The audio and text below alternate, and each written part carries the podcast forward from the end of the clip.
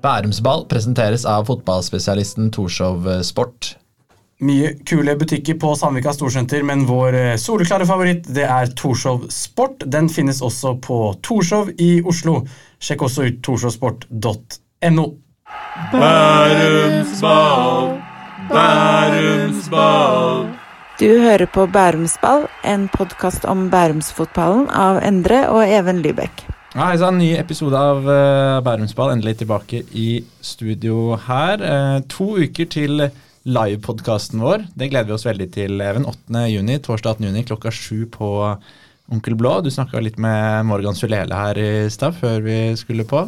Ja, Han skal vi planlegge med fremover. Og da jeg sa vi skulle ha dagens gjest, så svarte han bare 'Super-Jon!' Utropstegn, utropstegn, utropstegn. Så um, det er en uh, mange som har dratt på den. Og, og um, jeg, jeg, la ut et bilde på Instagram hvor jeg trodde jeg hadde teksten riktig på din sang som Berg det Blå og Stavik Support har sunget. Men uh, kan du gjenfortelle den, Jon Knutsen, som du husker den?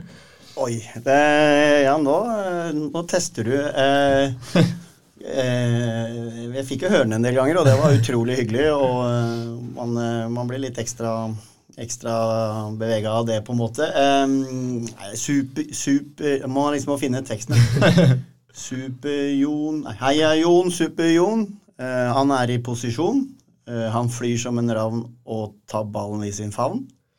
Ja, det jeg la ut Er ikke det perfekt, da? Uh, Heia Jon Superjon, keeper er i posisjon, og han flyr som en ravn og fanger ballen i sitt fang. Og da fikk vi melding med en gang om at uh, her må det inn og korrigeres, og da ble det meldt Heia Jon Superjon, keeper er din posisjon, og han flyr som en ravn og fanger ballen i sin favn. Fasit.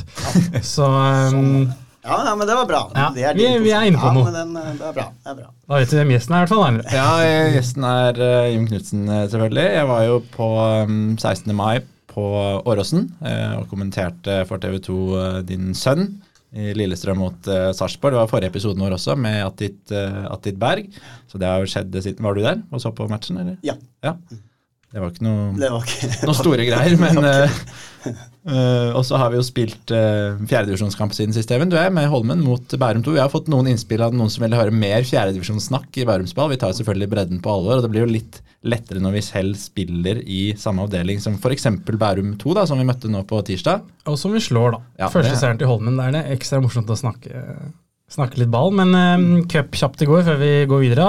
Stabæk 4-0 over Åsia, min gamle klubb. Um, og så var det Asker Bærum. Mm. Uh, men ta med Stabæk først. da, De unggutta der. Filip Jensen Riise, sønnen til Bjørn Helge. Kjempe, William Wendt. Og William Wendt. De presenterte seg skikkelig, så det er en bra 06-07-gutter på vei opp i Stabæk der. Veldig imponerende. Asker og Bærum, kan du ta? Uh, ja, Asker Bærum, nå ble det 0-2. Uh, Max Myrmo skåra, og Lasse Bransdal. Og gårsdagens øyeblikk var jo da Lasse Bransdal på 0-1 uh, løp opp en Asker-spiller og kasta han i bakken for å ta et professional uh, gult kort, og så la matchen inn med 2-0 på overtid. Så det er sånn det, det, et Ikke Derby, men et ja, litt lokaloppgjør, da. Ja. Bærum mot Asker. Og så må vi også ta med seg vi spilte mot Bærum 2 på tirsdag. De stilte jo et rent juniorlag, siden A-lag spilte dagen etter. Eh, og Der var det jo gode gamle Trond Andersen på linja. Han husker kanskje du godt, ja, ja. Jon? Jeg er kollega med meg eh, ja. på NTG. NTG. Mm. Han har jo ja, masse landskamper og Premier League, og, så det var jo litt ekstra digg å slå en såpass stor profil der. Og så må vi også ta med Mathias Ødegaard Aasen, skåra to mål for Bærum. Veldig bra spiller, så han er det verdt å notere seg navnet på. Ja, så Vi snakka litt om det i stad, skal ikke hype for mye, da, men det kan hende at han er i familie med en viss eh, Premier League-profil. Med samme, med samme etternavn. Ja. Uh, men det er jo da Jon Knutsen som er gjest her i dag, og det er jo litt, litt sånn ekstra stas for oss, da, siden vi har jo selvfølgelig vokst opp ikke så langt unna Nadderud og sett mye Stabæk da vi var små. og Jeg husker jo at vi fikk jo hanskene til Jon en gang da vi var små. Det er sikkert mange som har spurt om hanskene og fått de. Jeg husker vi var veldig på der. Jeg husker at uh, den, de ble ikke vaska, for å si det sånn. Det er ikke sikkert du husker det, men vi husker det godt, Even. Ja, og også det som jeg sa til Jon i stad, og som mamma var veldig på, vi, at jeg holdt jo Jon i hånda da jeg vel var fem-seks år. Mm. Som var veldig stort for meg på den tida, på, på Nadderud der. Så det er noe man aldri kommer til å glemme. Det var Stabæk mot Brann, sjekka jeg. 6-0 i 2003. Ja. Høsten der. Ja. Eh, der fikk du eh, seks på børsen. Vi skal komme mer tilbake til børs. Vi Det er en liten- Det er en liten eh, tease til resten av sendinga. Men eh, altså, vi, vi syns det er stas å ha Jon eh, på besøk eh, her, da. Eh, Men eh, ja, dette er en podkast om Bærumsfotballen, men du er jo ikke bæring. Du kommer fra et litt eh, annet sted. Kan du ikke fortelle litt om eh, hvor, eh, hvor det hele begynte for deg? Jo, altså, altså det, det er jo et lite sted utenfor Lillestrøm som heter Leirsund. Og der er jo først og minst eh, min far fra. Tor Asa Knutsen. Men eh, så var det sånn at han fant seg en eh, bærumsdame som han vokste opp i Skogveien. Skogveien 152 av noe slag. Det er ikke så langt unna 130 der vi har vokst opp. Ja. Ja, så, så min mor er herfra. Ja. Så, så jeg har litt, eh, jeg har litt eh, blod eh, fra, fra Bekkstua også. Så, Ja. Og min onkel mor og tante bor her fortsatt. Og så har du jo en, noen søsken som også har blitt litt profiler etter hvert. Mari, som har syv A-landskamper, seriemester med LSK kvinner. Og broren din Atle, som har blitt en veldig god eh, skaper av TV-serier. Bl.a. Eh, Linus i Svingen og Julie i Svingen.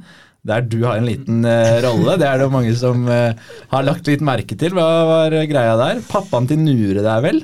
Ja, ja, ja, jeg er jo den uh, berømte Charles Bergum der, vet du. Det, det var jo han tøffen, tøffen på sletta. Nei, det er utrolig hyggelig, og det er jo en veldig, veldig kjent barneserie som eh, som når jeg, når jeg jobba på NTG og skulle liksom brife litt ekstra med, med elevene som var der, så måtte jeg jo fortelle at jeg var skuespiller. Og da, De skjønte ikke helt hvem det var, så da måtte de liksom Å, episode 24, ja. Så eh, Nei, men det var en fin erfaring. Veldig hyggelig. Og så har vi jo selvfølgelig lest oss opp eh, på deg. Det som var litt eh, spennende, var at du kommer jo da fra mm, Leirsund til Lillestrøm som utespiller.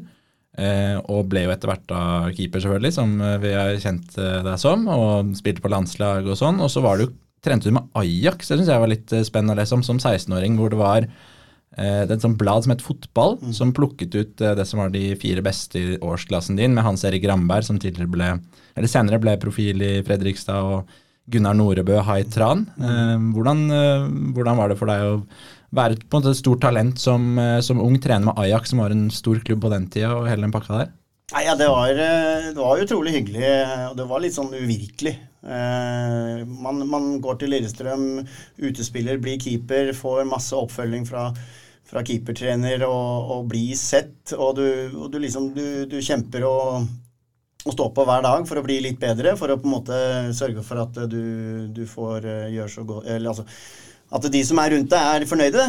Eh, og så Egentlig så var jeg bare i en fin flow hvor liksom jeg fikk hele tiden nye utfordringer. og Kom på kretslaget, kom på aldersstemte landslag, fikk trene med Thorstvedt. Og så, og så eh, fikk jeg jo mulighet til å komme opp på Lillestrøms eh, A-lag etter hvert. Men dette her skjedde jo før det. Men, men det, det, det var et eh, stipend som, eh, som bladet Fotball ga ut.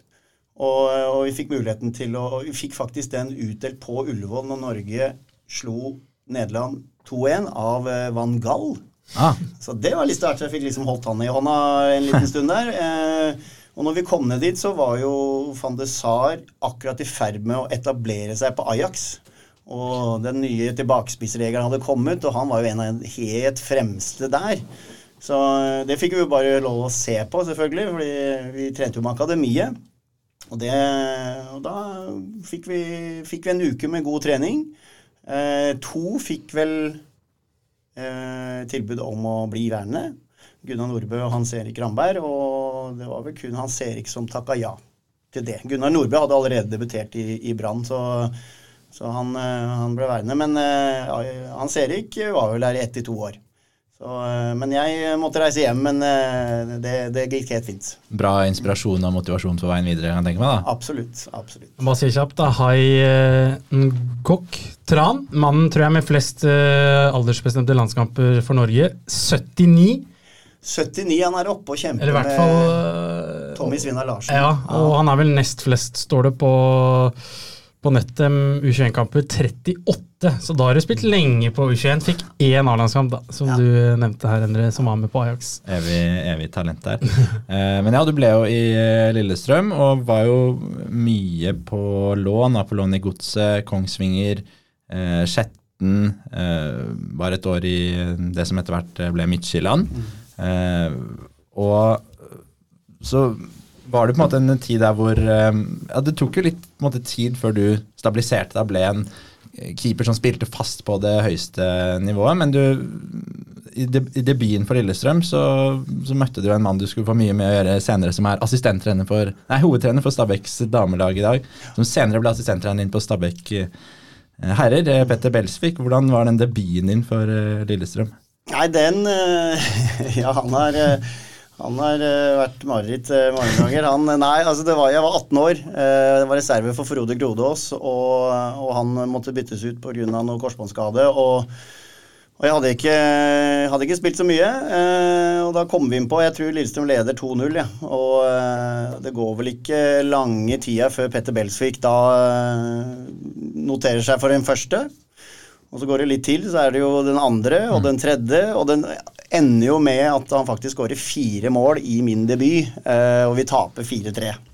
Og det og det, ikke, det, var ikke siste gang jeg møtte han, men, eh, men, jeg ble tatt godt vare på av Maleren. Arnar Maleren, keepertreneren i Lillestrøm og Grodås, og fikk noen kamper til etter det. men men eh, det er jo ofte sånn en 18-åring i mål, reserve, da, og de skulle ut i Europa den høsten, så de, da ringte de etter Tore eh, Krokstad. Mm. Og da ble jeg flytta ned igjen og, og ble nummer tre. Og så det, og det, det, er jo en del av det å være keeper og kanskje komme opp tidlig òg, er jo at du kanskje ikke har fått eh, den erfaringen. Du sjøl føler at er ganske god.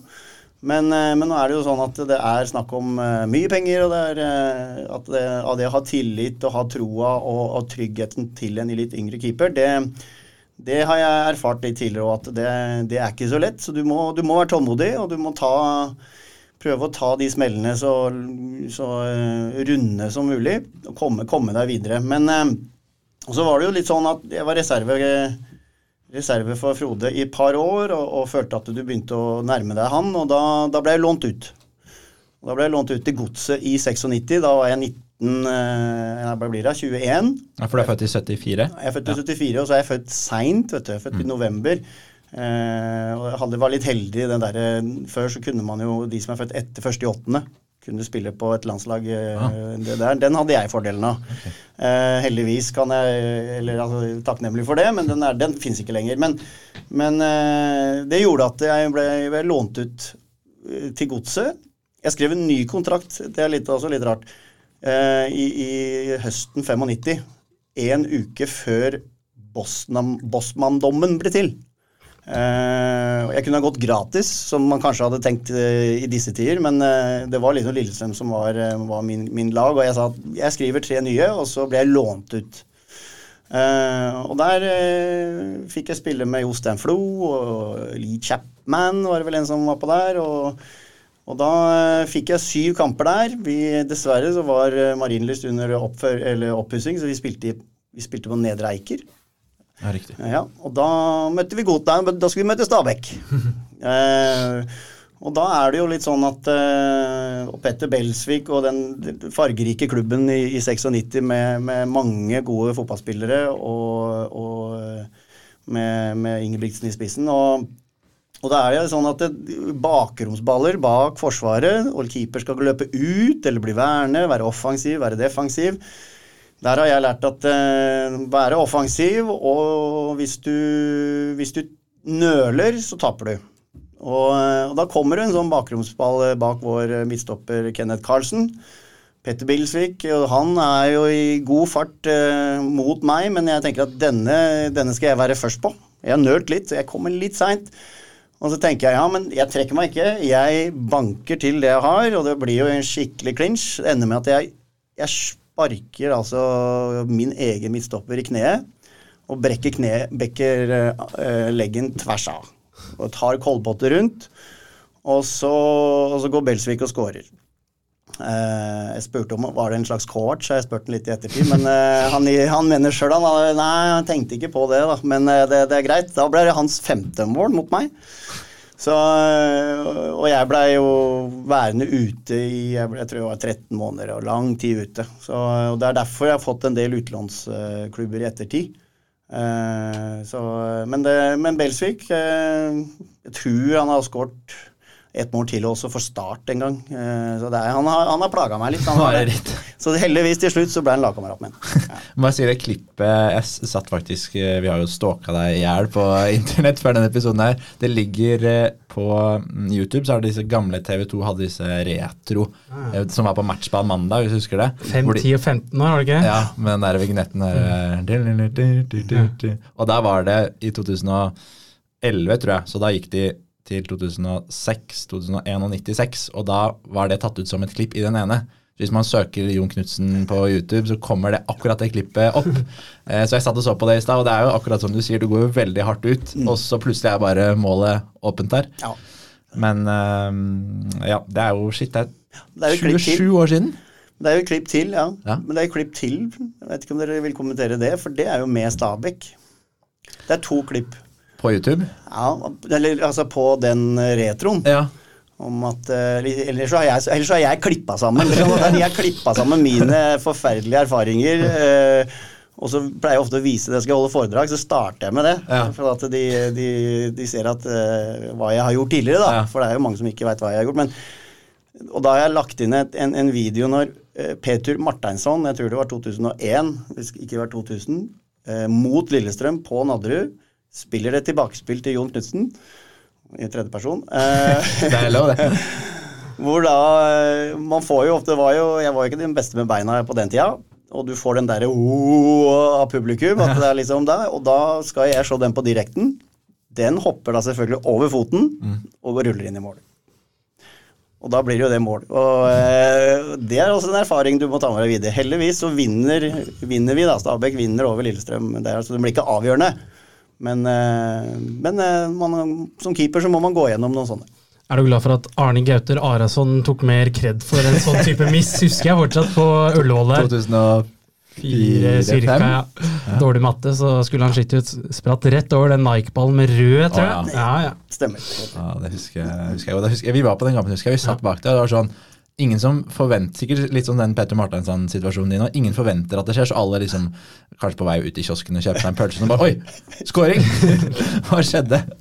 Men det syns også er litt eh, Du snakket om ikke sant, du var mye på, på lån på denne tiden, og sånn som keeper vi kjenner f.eks. litt til Kristoffer Claesson, som er i Leeds nå, som som slutta veldig tidlig på skolen for å satse 100% på fotball, så har han, eh, ja, han er jo en eh, Premier League-tropp. Han spiller jo ikke noe særlig, men så kan du diskutere om det er, han har lykkes eller ikke. Det er jo en egen eh, podkast, men han har gjort, det, har gjort, det, bra. Mens du kjørte jo på med utdanning og er utdannet møbelsnekker og har jobbet bl.a. Oslo trevarefabrikk.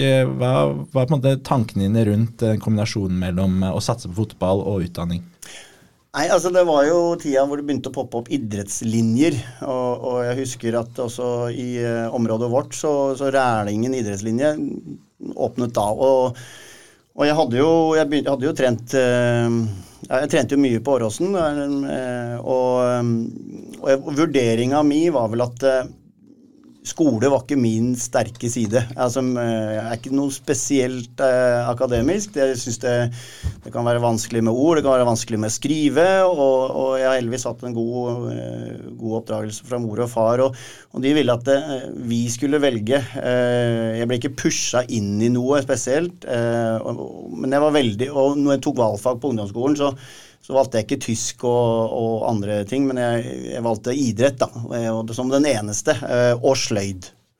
Sløyd var min, eh, det var min Der var der jeg kosa meg. Det var der eh, jeg følte liksom jeg kunne utforske min kreativitet. og og sto og lagde mange forskjellige ting og brukte maskiner og, og sånne ting. Og, og, da hadde jeg jo også en, en rådgiver som, som anbefalte å, å, søke på det.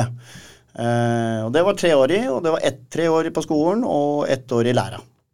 Men så blei det sånn, det ble jo en del fravær pga. fotballen. Og i stedet for eh, ett år i læra, så måtte jeg gå to år.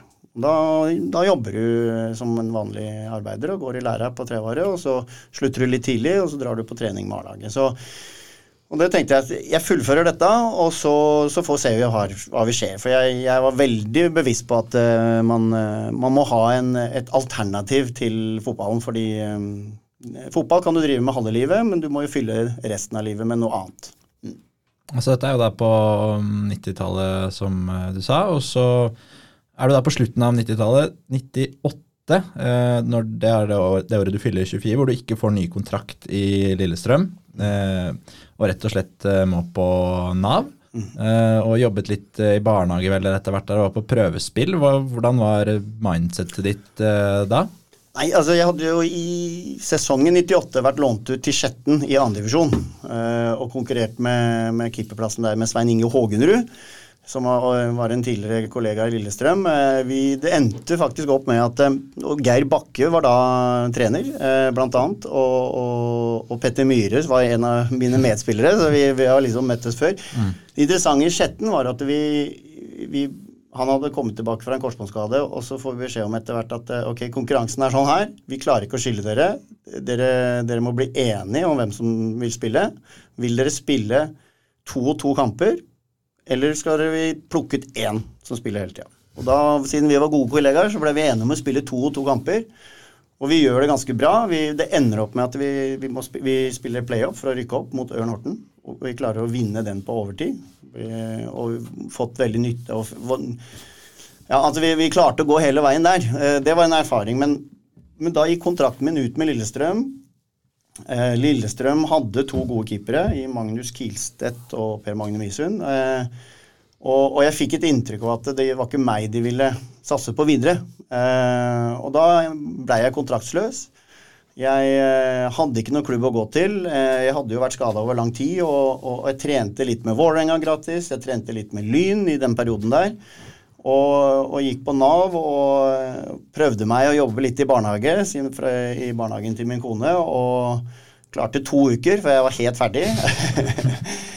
Første uka var jeg veldig aktiv, andre uka så var det bare leker på gulvet. bare lå og slappa av.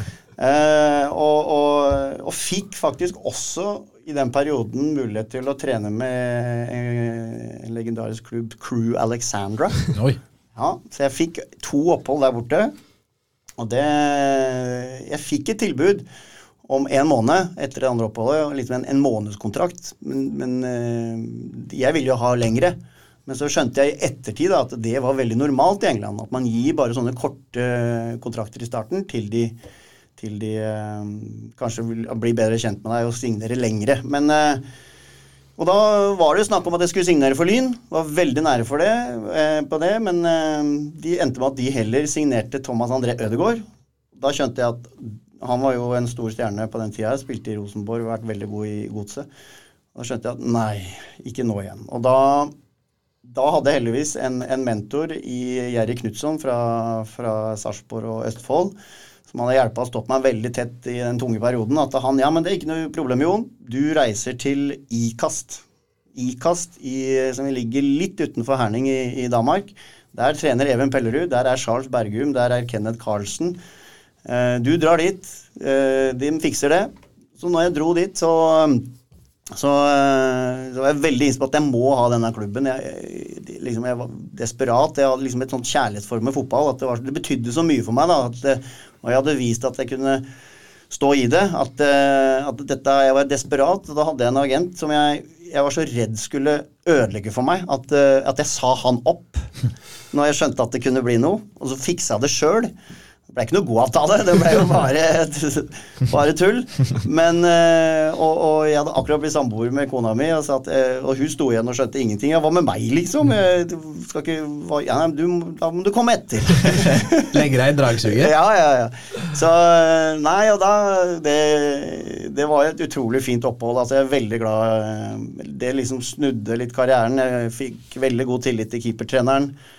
Og vi, vi, klarte ikke å rykke opp. Even Pellerud dessverre skulle prøve å innføre soneforsvar i Danmark. Det var de ikke interessert i, å lære av en nordmann. Så eh, han fikk dessverre sparken etter bare noen korte uker eh, når jeg var der. Han hadde jo vært der selvfølgelig et års tid. Fordi jeg vant med å spille med sweeper? Riktig. Ja. På den tida så var det liksom sweeper. De ville ikke lære fire soneforsvar der. Så men det som skjer den sommeren, er jo litt interessant, fordi det Herning som klubb og, og IKAS de, de, lå begge i nest øverste divisjon i, eh, i, eh, i, Danmark.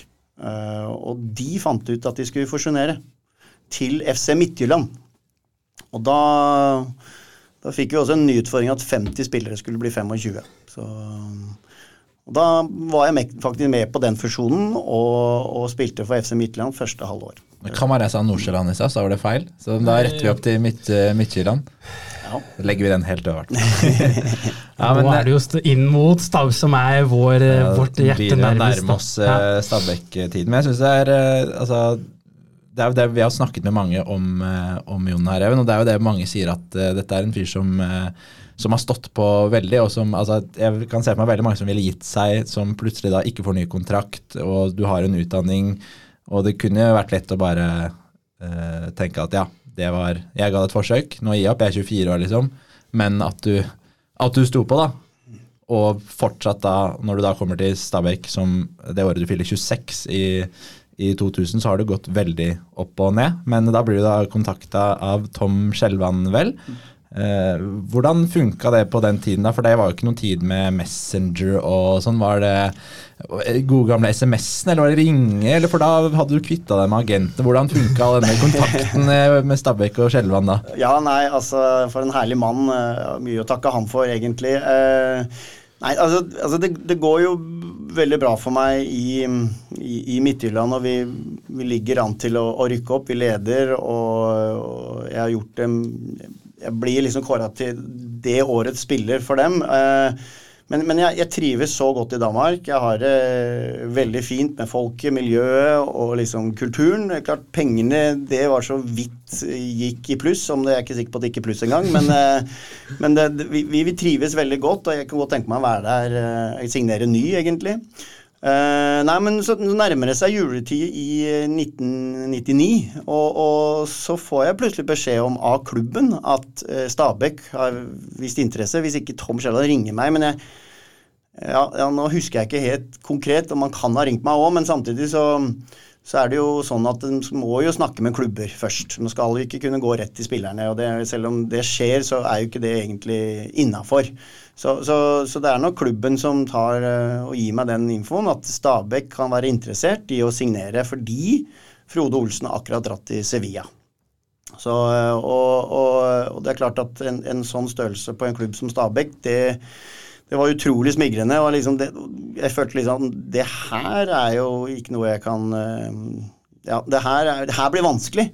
Uh, og jeg reiser vel hjem i, i, forkant av jul og har et møte her om, eh, om Det var vel ja, en kafé her oppe sammen med Anders Lindroth og, og Tom. På biblioteket? Ja, jeg prøver å tenke at det, jeg tror det er mer Eller bort på Mækkern? Ja, liksom på baksiden av Mækkern der. Er det Samson som det er nå? Ja, det må være det. Jeg tror det er det. det Baker Hansen kan ja, det fort ha vært. Ja, ja, ja, det kan være. Det Liten berlinerbolle der? Ja. Hvis jeg ser det, så får jeg kanskje flashback kommer.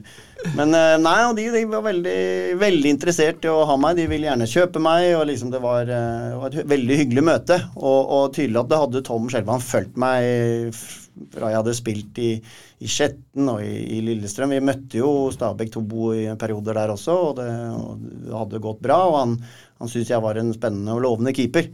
Så, men det var litt sånn at jeg jeg spurte jo likevel eh, Midtjylland om, om, å få en ny kontrakt, men det var ikke dem interessert i. Fordi de hadde jo en god keeper eh, som tidligere ble landslagskeeper eh, som backup for meg. så men det var greit. Det ble, jeg vet ikke hva jeg kosta, men der signerte jeg og kom tilbake igjen til Norge. og et veldig spennende, spennende klubb. Tom Skjelvan er vel altså Dette var en tid før med masse statistikk analyse og sett den Moneyball-filmen hvor de bruker analyserer i hjel tall og data. Han er vel litt kjent for å ha hatt bare brukt øyet sitt omtrent. og bare tatt, Jeg husker jeg hørte en historie om Vegapal Gunnarsson, at han så på oppvarmingen at han var god. liksom. Altså, jeg tror ikke han har noen formell rolle i Stabæk nå, men jeg var og så en trening før jeg skulle kommentere kamp mot Ålesund for noen uker siden, og han var oppe på Nadderud og lusker rundt der og sitter og følger med. så han er i er i manesjen. Ja, veldig veldig flott mann. og jeg synes Mye av den Stabæk-kulturen som var når, når, jeg var her òg, er jo mye bygd på hans personlighet og hans uh, ja, utrolig sjarme og, og, og, opptatt av at alle spillerne skal ha det bra. Dette fikser vi, dette ordner vi. Han, liksom, ja, måtte, jo, han måtte jo rydde opp en del for mange, men, eh, og det fikser han alltid. Var det, var det, mm, at du hadde en mor som hadde vokst opp her og du hadde familie her? Hadde det noe å si, siden vi er en podkast om Bærumsfotballen, hadde det noe å si at du måtte hadde litt relasjoner til Bærum? At du kom til Stabæk? Altså, det, det, gjorde jo bare valget lettere. Altså, liksom Om det er to klubber som, som hadde passa meg perfekt, så er det, er det, jo Lillestrøm og Stabæk, siden jeg kommer fra derfra og, og har familie her. Så, og så var det jo utrolig mye moro som skjedde rundt klubben, med Ingebrigts, med alle hans påfunn, med alle gutta-gjengen. og det var jo utrolig motiverende og, liksom, og lærerik å prøve liksom å utfordre seg sjøl på på den delen òg, eh, når man kom hit. Eh, fordi Ingebrigt ville jo gjerne at vi skulle syntes. Eh, men det er ikke alltid så lett det, hvis du ikke har den, har den profilen. Mm. Var det noe du skulle ta? Skal vi begynne å gå gjennom her? Ja, det, ja, for det, det kom jo da i 2000 til, til Stabæk. Året du fyller 26 år, altså. Og da blir det nummer fem, det første året ditt, hvor du um, spiller, spiller, mye. 2001 den sesongen har vi gått gjennom i en episode med Jan Åge Fjørtoft eh, tidligere. Der vi, gikk vi i dybden på den med offentlig skittentøyvask og krig i media og Nei, Der var det mye greier, så den må dere høre hvis dere vil gå mer i dybden der. Eh, men eh, det var en litt spesiell sesong for deg også, for du ble mye borte det året pga. et epileptisk anfall som fører en kamp mot Molde. Hvordan, hva var det som skjedde der? Jeg, jeg har hva skal jeg si, jeg har, jeg har lagt alt jeg, har, kanskje mer enn det jeg burde, i å trene, i å legge press på meg, i å levere, det å liksom gjøre altså, Man har jo prestasjonsangst. Veldig mange av de toppidrettsutøverne jeg, jeg, kjenner, ønsker jo på en måte Altså, de har frykten for å mislykkes, driver deg veldig, og det og det, det, har jeg òg. Jeg, jeg, har et veldig sterkt ønske om å lykkes, og jeg er veldig engstelig for ikke å gjøre det. Og, og, det kan hende at man da forbereder seg litt vel mye, både med for fysiske ting og, og, og ikke minst hodet. At man bruker mye energi på det. Og nå var det jo sånn at eh, jeg skulle bli far. Vi hadde termin eh, tre uker før det. Og, eh, og, så plutselig ville den lille, lille, gutten Magnus uh, ut litt tidligere, og dette var jo en fredag, og vi skulle møte Molde søndag. Og, og, da var det jo litt sånn sånn Nei, men det passer jo ikke. Det, jeg har jo kamp igjen på søndag, liksom. Det går jo ikke. Men uh, det, det, er litt vanskelig, som de fleste veit, å stoppe sånne ting. Men vi kom oss på sjukehuset på fredag, og og han, eh, han, kom ut i verden, og jeg prøvde å glede meg og kose meg over det. Eh, jeg fikk jo i ettertid kjeft, eh, eller hva kaller det, kritikk til, i forhold til tilstedeværelse under fødsel. Den var litt fraværende. Det må jeg innrømme. Jeg skjønte ikke helt hva jeg skulle gjøre, men men, uh, Kunne du ikke ta imot fangebarnet liksom i gode i favnen? jo, det var jo det jeg trodde det var, det, var det jeg trenger, men det, var, det, er mye det arbeidet det, dere må ta med dere gutter, at det er mye arbeid før det ja. som, eh, som, vi må stille opp på, og som vil sikkert gjøre at dere blir eh, populære i ettertid. Og, men, men, jeg lærte mye, det gjorde jeg, og, og, jeg har fått skryt i ettertid med de to andre. Så, men, men, det gjorde at jeg, jeg, var ikke helt til stede. Jeg fokuserte på en viktig, veldig, veldig viktig kamp på, på, søndag. Og eh, når vi jeg da skal legge meg på lørdag kveld, så er jo jeg aleine, mens min kone og Magnus er på sykehus. Eh, jeg våkner opp dagen etter, så våkner jeg opp utenfor sengen eh, med blod i munnen. Og, liksom jeg, og jeg liksom, Hva er det som har skjedd nå? Jeg skjønte ingenting. og Veldig sliten. Eh, jeg kom meg til Gardermoen, jeg kom meg opp til Molde, og så forteller jeg dette til, til doktor Røde, at eh, jeg er helt ferdig, liksom. Jeg, jeg veit ikke hva som har skjedd. Og så forteller jeg også om at jeg har enkelte ganger noe som heter Jeg kaller det déjà vu. da. At du, du føler at du opp, har dette opplevd det før, du har sett akkurat denne setningen før, du har sett de samme folka, du, du blir liksom kvalm. Det er sikkert en forkant av en besvimelse, eller jeg veit ikke. men men det er klart at han legger sammen dette, og da mistenker han eh, at jeg har hatt et epiletisk anfall. Og, eh, og, det er jo veldig alvorlig. Jeg visste jo ikke egentlig hva det var da, eh, og skjønte ikke at kan det være så farlig, men vi, vi, går til en spesialist etter kampen. For jeg får ikke spilt den, den spiller Anders Rotevatn. Og, og, og, han også er veldig nøye på det. Han fratar meg lappen, jeg får beskjed om ikke å ha over 100 i puls. Liksom, jeg blir sykemeldt i, i, i tre måneder. og og liksom begynner så vidt å ta alvoret over meg. at det, Betyr dette at jeg ikke kan spille med, liksom? Hva er det som skjer? Og uh, jeg syns jo det var veldig, veldig rart, for jeg følte meg jo ikke syk. Uh, så, men jeg får jo en fin ufrivillig pappaperm. Jeg gjør som han, han sier første måneden. Men så drar vi til en annen spesialist eh, som eh, holder til borti veien her. Eh, for de har jo et spesialsykehus for epileptiske anfall. Og han mener at dette her jeg mistenker at er et leilighetsanfall. Og et leilighetsanfall er, eh, som kan hvem som helst få, som jobber hardt og veldig mye. Eh, og ikke tar seg tid til å puste og, og, og kanskje ha ha, andre ting å tenke på, så sier bare kroppen ifra. Da skrur han bare av, og så kan det starte et, et anfall som er veldig likt epileptisk anfall. Men jeg kommer meg tilbake. Eh, Stabæk får lånt eh, Roger Våler. Stabæk gjør det veldig bra, og jeg, jeg tror jeg får fotballen litt mer, på, litt mer i perspektiv. Jeg, jeg, skjønner at du kan ikke gå rundt og tenke fotball hele tiden, du, du, og du må ikke Eh, jeg, jeg, tror jeg blir litt mer moden av det, og, og, og Anders Rotevatn gjør det enormt bra, så han kommer opp i diskusjonen til Norges landslag, faktisk. Eh, han er på noen prøvetrener i England. Og, og, det er klart at da Det gjør jo konkurransen enda tøffere når jeg kommer tilbake. Eh, men, men, som sagt så, så, lærer jeg mye av at å glede seg og Du, trenger ikke være konsentrert hele tida om å prestere. Du kan slappe av litt, du kan ha det gøy, du kan ha smilet på lur. Fotball du driver jo med fotball fordi det er gøy. Så, eh, så jeg får en annen inngang til 2002-sesongen da, som, eh, som, gjør at jeg vokser litt mer på, på det. Altså, ja, eh, vi har jo vi leste litt om det her før vi, før vi fikk deg på besøk, men jeg tror jeg, jeg visste ikke det her, og vi fulgte jo veldig tett med. og det er jo på en måte, altså, for det er jo litt de årene senere hvor Stabæk vinner gull og du debuterer på landslaget sånn, som er mest kjente, men det er jo veldig mye som har skjedd fram til du kom dit. Da, men det er jo spennende, spennende, å høre. Ja, det eneste vi kan si er at vi var fire og seks på den tida, så jeg husker liksom ikke om jeg leste Dagbladet og VG da, men eh, ja, det er eh, vi snakket med en tidligere lagkamerat av deg i stad som nevnte det at uh, Spør litt hvordan den tida var, og da var jeg sånn har det skjedd, på en måte? Fordi For oss er det jo, juni, eller meg i hvert fall, JuniSupport Mixtribunen, Godteri, Super-Jon. Det er liksom det vi husker deg som, men så er det jo det er jo sju år før her òg, da. Som ja, vi ikke kjenner så mye til. Ja, for det er det. fordi det her er jo da ikke sant, det er 2001, 2002 etter hvert, eh, hvor du da blir ja, etter hvert 28 år, eh, liksom. Og så 2003, eh, bronsesesong, som jo er en veldig bra sesong. Stabæk var rundt femte-fjerde de årene rundt før det.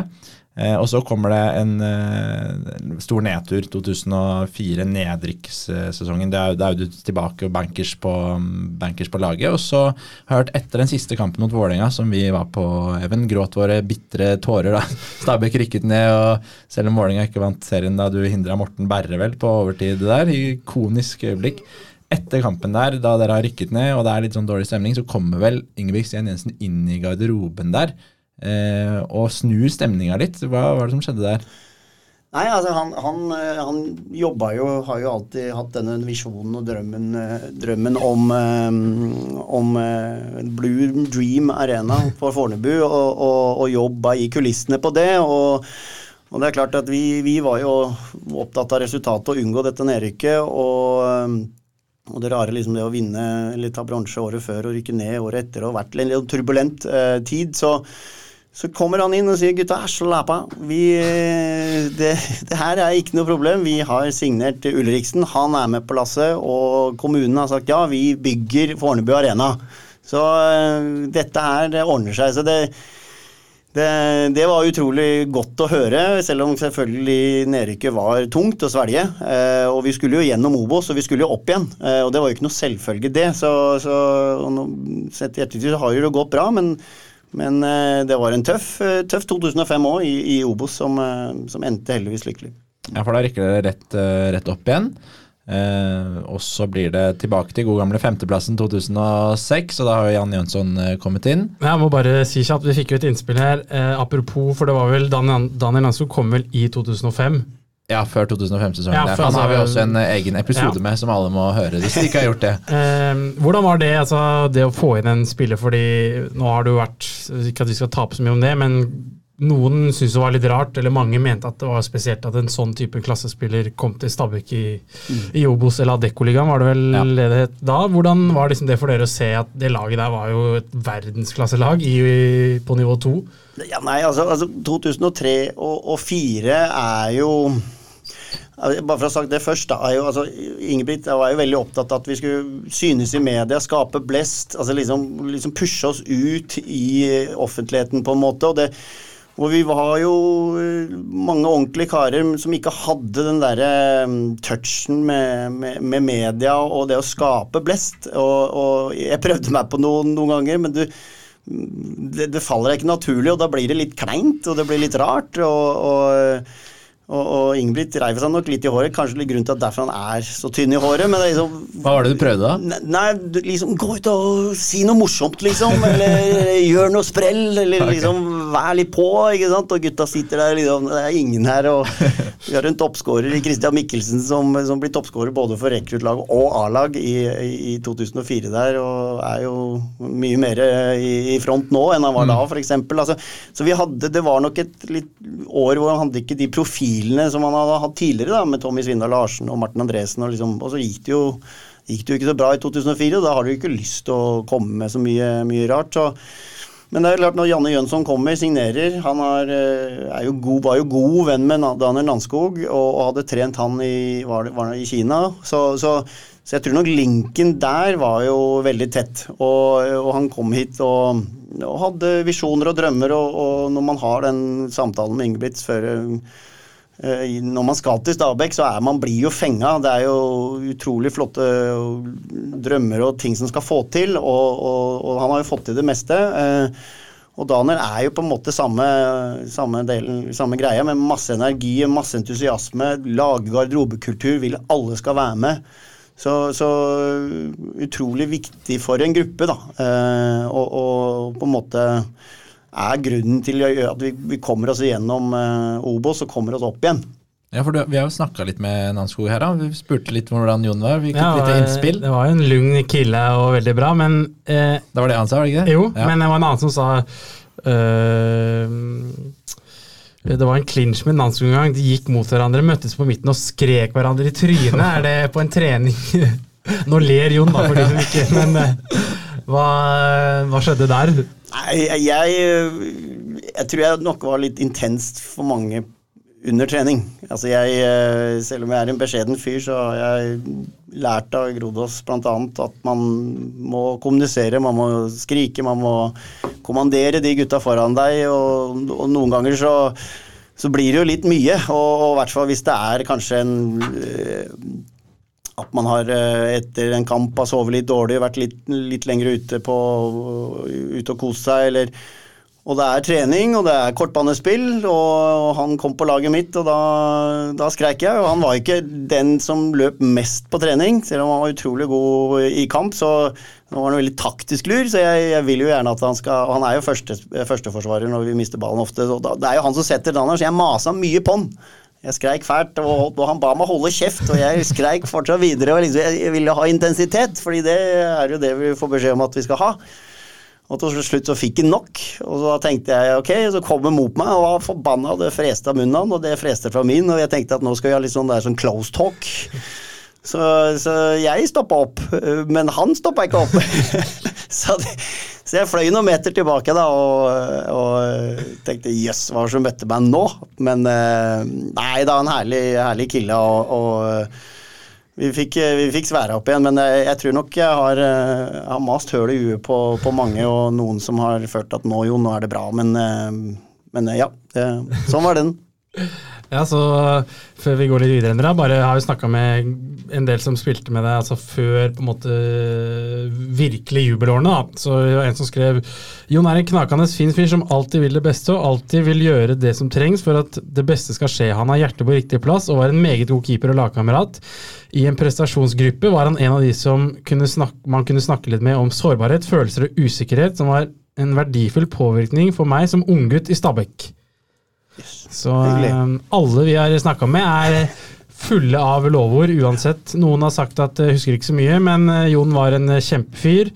En annen har skrevet jeg har spilt foran veldig mange keepere. Keepere generelt er en egen rase, litt smågærne, i tillegg skrudd sammen litt annerledes. Men med Jon var det noe helt annet. Han var en normal, superhyggelig fotballspiller. Det gikk til og med å kommunisere med ham på en helt vanlig måte.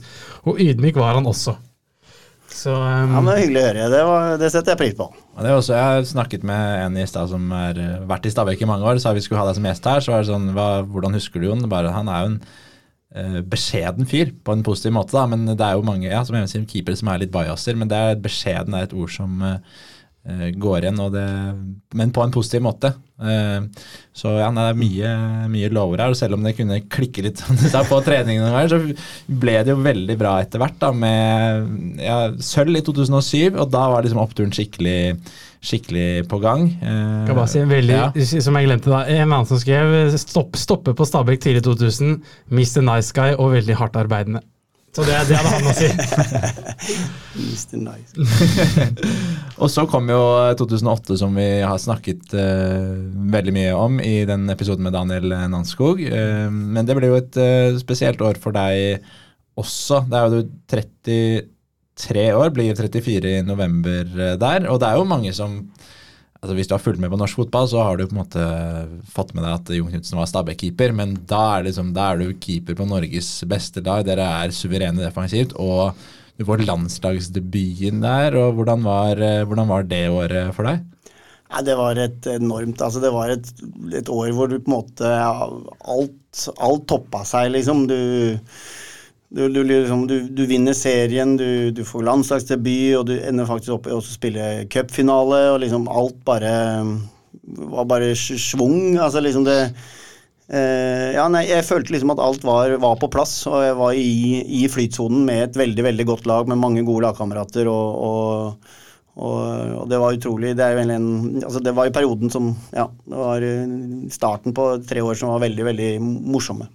Og så En annen ting jeg har hørt. Uh, dere var jo før 2008-sesongen i Brasil med Stabæk. Det var en sånn slags treningskamp, turnering, som skulle vises på, på TV2 der. Mm. Eh, det var vel kanskje da Start var der, og hvor Bernt Hulske skulle ringe hjem til mamma eller sånn da han scora, og gikk bort til telefonkiosken der. Og, men da har jeg hørt at eh, da var Viking der samtidig som, som dere, men at det var litt sånn forskjell på hvordan Ove Røsler, som var trener i Viking da, eh, håndterte sin gruppe, og hvordan Jan Jønsson var med deres gruppe, og at dere på en måte fikk bygget liksom, laget i Brasil. Hvordan, hvordan, var den turen? Hva som gjorde at det ble et sånt samhold i laget på den Sør-Amerika-varianten der? da? Dette var jo i uke to eller tre, tror jeg, i januar. Altså, det var jo liksom tre uker, det er tre måneder før seriestart.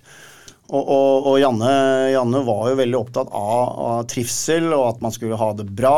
Og at liksom var en veldig, veldig likende fyr sånn. Og, og, vi reiste over dit. Det var litt sånn uvirkelig det òg, å reise til Brasil for å spille en turnering med TV 2 og Davy Vatne og Åge Hareide skulle være eh, landslagstrener og var skulle kommentere disse kampene. Nå ble det jo ikke, Vi møtte jo ikke de store lagene som egentlig var avtalt. Fordi de lagene ville gjerne ha mer penger når vi kom over, og det, det lot seg ikke gjøre. Så det blei noe, noen litt mindre lag, litt lenger ut i, ut i jungelen der, men eh, Hvem var det egentlig skulle møte? Var det ja, Det var jo disse største Bucca Juniors og disse, disse store der. Uh, men de tenkte sikkert at her kommer det en klubb, uh, klubber fra oljelandet Norge, så her må vi ha mer penger. Eh, men, men, det her var det noen, noen, andre som hadde satt sammen, og det, det, det var ikke mer penger. Så, eh, men, men, absolutt, vi, vi, kommer dit. Vi bor på et hotell 50 meter fra Bucabana. Eh, og, og, Janne sier liksom Her, her får dere nok drikke. altså liksom Drikk cola. altså Alt var liksom Gå ut, opplev. Eh, men selvfølgelig ta vare på hverandre. Altså, det er jo, Rio er jo en, en skummel by eh, og er ute etter å ta turister, så vi, vi, vi, vi var jo rolige og liksom kunne ikke gjøre hva som helst. Og, men, men, vi bonda på, på, veldig mange måter, og, og, det er klart når man også så Viking som hadde en helt annen eh, strategi med å liksom ikke gå i sola. Det er liksom litt sånn vanlig, og veldig fokus på kampene og sånne ting. og Det var veldig sånn knytt. Så, så var vi litt mer med avslappa og skuldrene nede. Og, og, og, fikk kontraster også. Vi fikk jo en mulighet til å gå opp i eh, favelaene, liksom, som var bare 50 meter andre veien. Som, som de som veit, som har vært i Rio, er, hvordan det er. Så, så nei, men det var en veldig en god start, hvor, hvor vi blir veldig veldig bånda og, og får, en, får, en, fin start på, på vinteren her. Og, Og Det skal sies også at jeg har hatt mange gode fysiske trenere. Tor Østhagen har vært lenge i, i Stabekk, men han var vel jobba med å forberede da sitt studio nede på Fornebu. Så, så da hadde Stabekk fått inn en som heter Matthew. Eh, fra, fra, New Zealand, eh, som hadde funnet seg en svensk kone og nå, nå skulle jobbe for Stabæk. Og, og han, han, føler jeg har hatt mye betydning for at jeg kanskje en, fikk enda mer kontroll på kroppen. Eh, for jeg var jo lært lenge at man skal, man skal trene hardt, skal trene tungt. Vi, vi skal løpe mest, vi skal løfte mest. Eh, men så glemte man på, på, på, mange ganger på den tida at det er jo fotballspillere de skal være. Og, og han fikk meg til å liksom senke ned litt den der og jobbe heller mer med, med mobilisering og, og, og, kontroll på kroppen. For styrken hadde jeg, så jeg fikk beskjed om at du, du, får lov å kun være 45 minutter i styrkerommet, og så må du gå. Og 25 minutter av dem skal du jobbe med bevegelighet. Så jeg tror det, det også løsna litt eh, synet og, som gjorde at jeg fant mer flyten da, og ikke ble så robotaktig. For det tror jeg mange fotballspillere kan oppleve at det, det, for, det, er mulig å bli for sterk i enkelte områder også, som gjør at du ikke kanskje får, eh, får liksom utnytta potensialet ditt. Da. Og det må man passe på. Og Der lærte jeg mye av Matthew.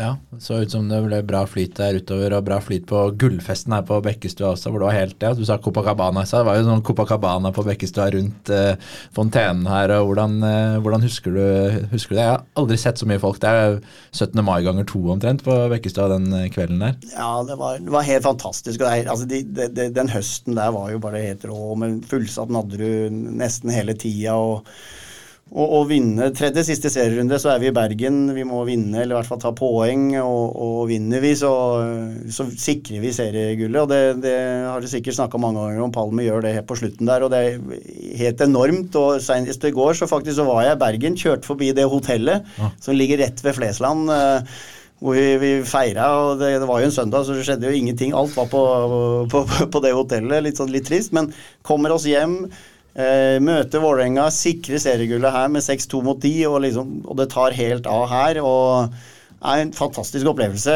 og utrolig moro å få oppleve. Altså, det, var, eh, ja, det, var, det var stort. Og, ja, eneste som jeg kan si i ettertid, som jeg kanskje liksom, det er sånn typisk meg, at man ikke liksom tar dem enda mer innover seg fordi det skal komme noe mer liksom fordi uka etter så skal vi spille cupfinale. Liksom, altså liksom at, at uh, Det hadde sikkert vært verdt det hvis vi hadde vunnet den cupfinalen, men det er liksom hadde vi ikke liksom hatt cupfinalen, så kunne du tatt av enda mer til, tror jeg. Men, uh, eller 14 dager etter, var det. Men, uh, men, men, enormt liksom hvor du ser hele Bærum samler seg om et produkt og, og gleder seg og, og har enormt moro. da.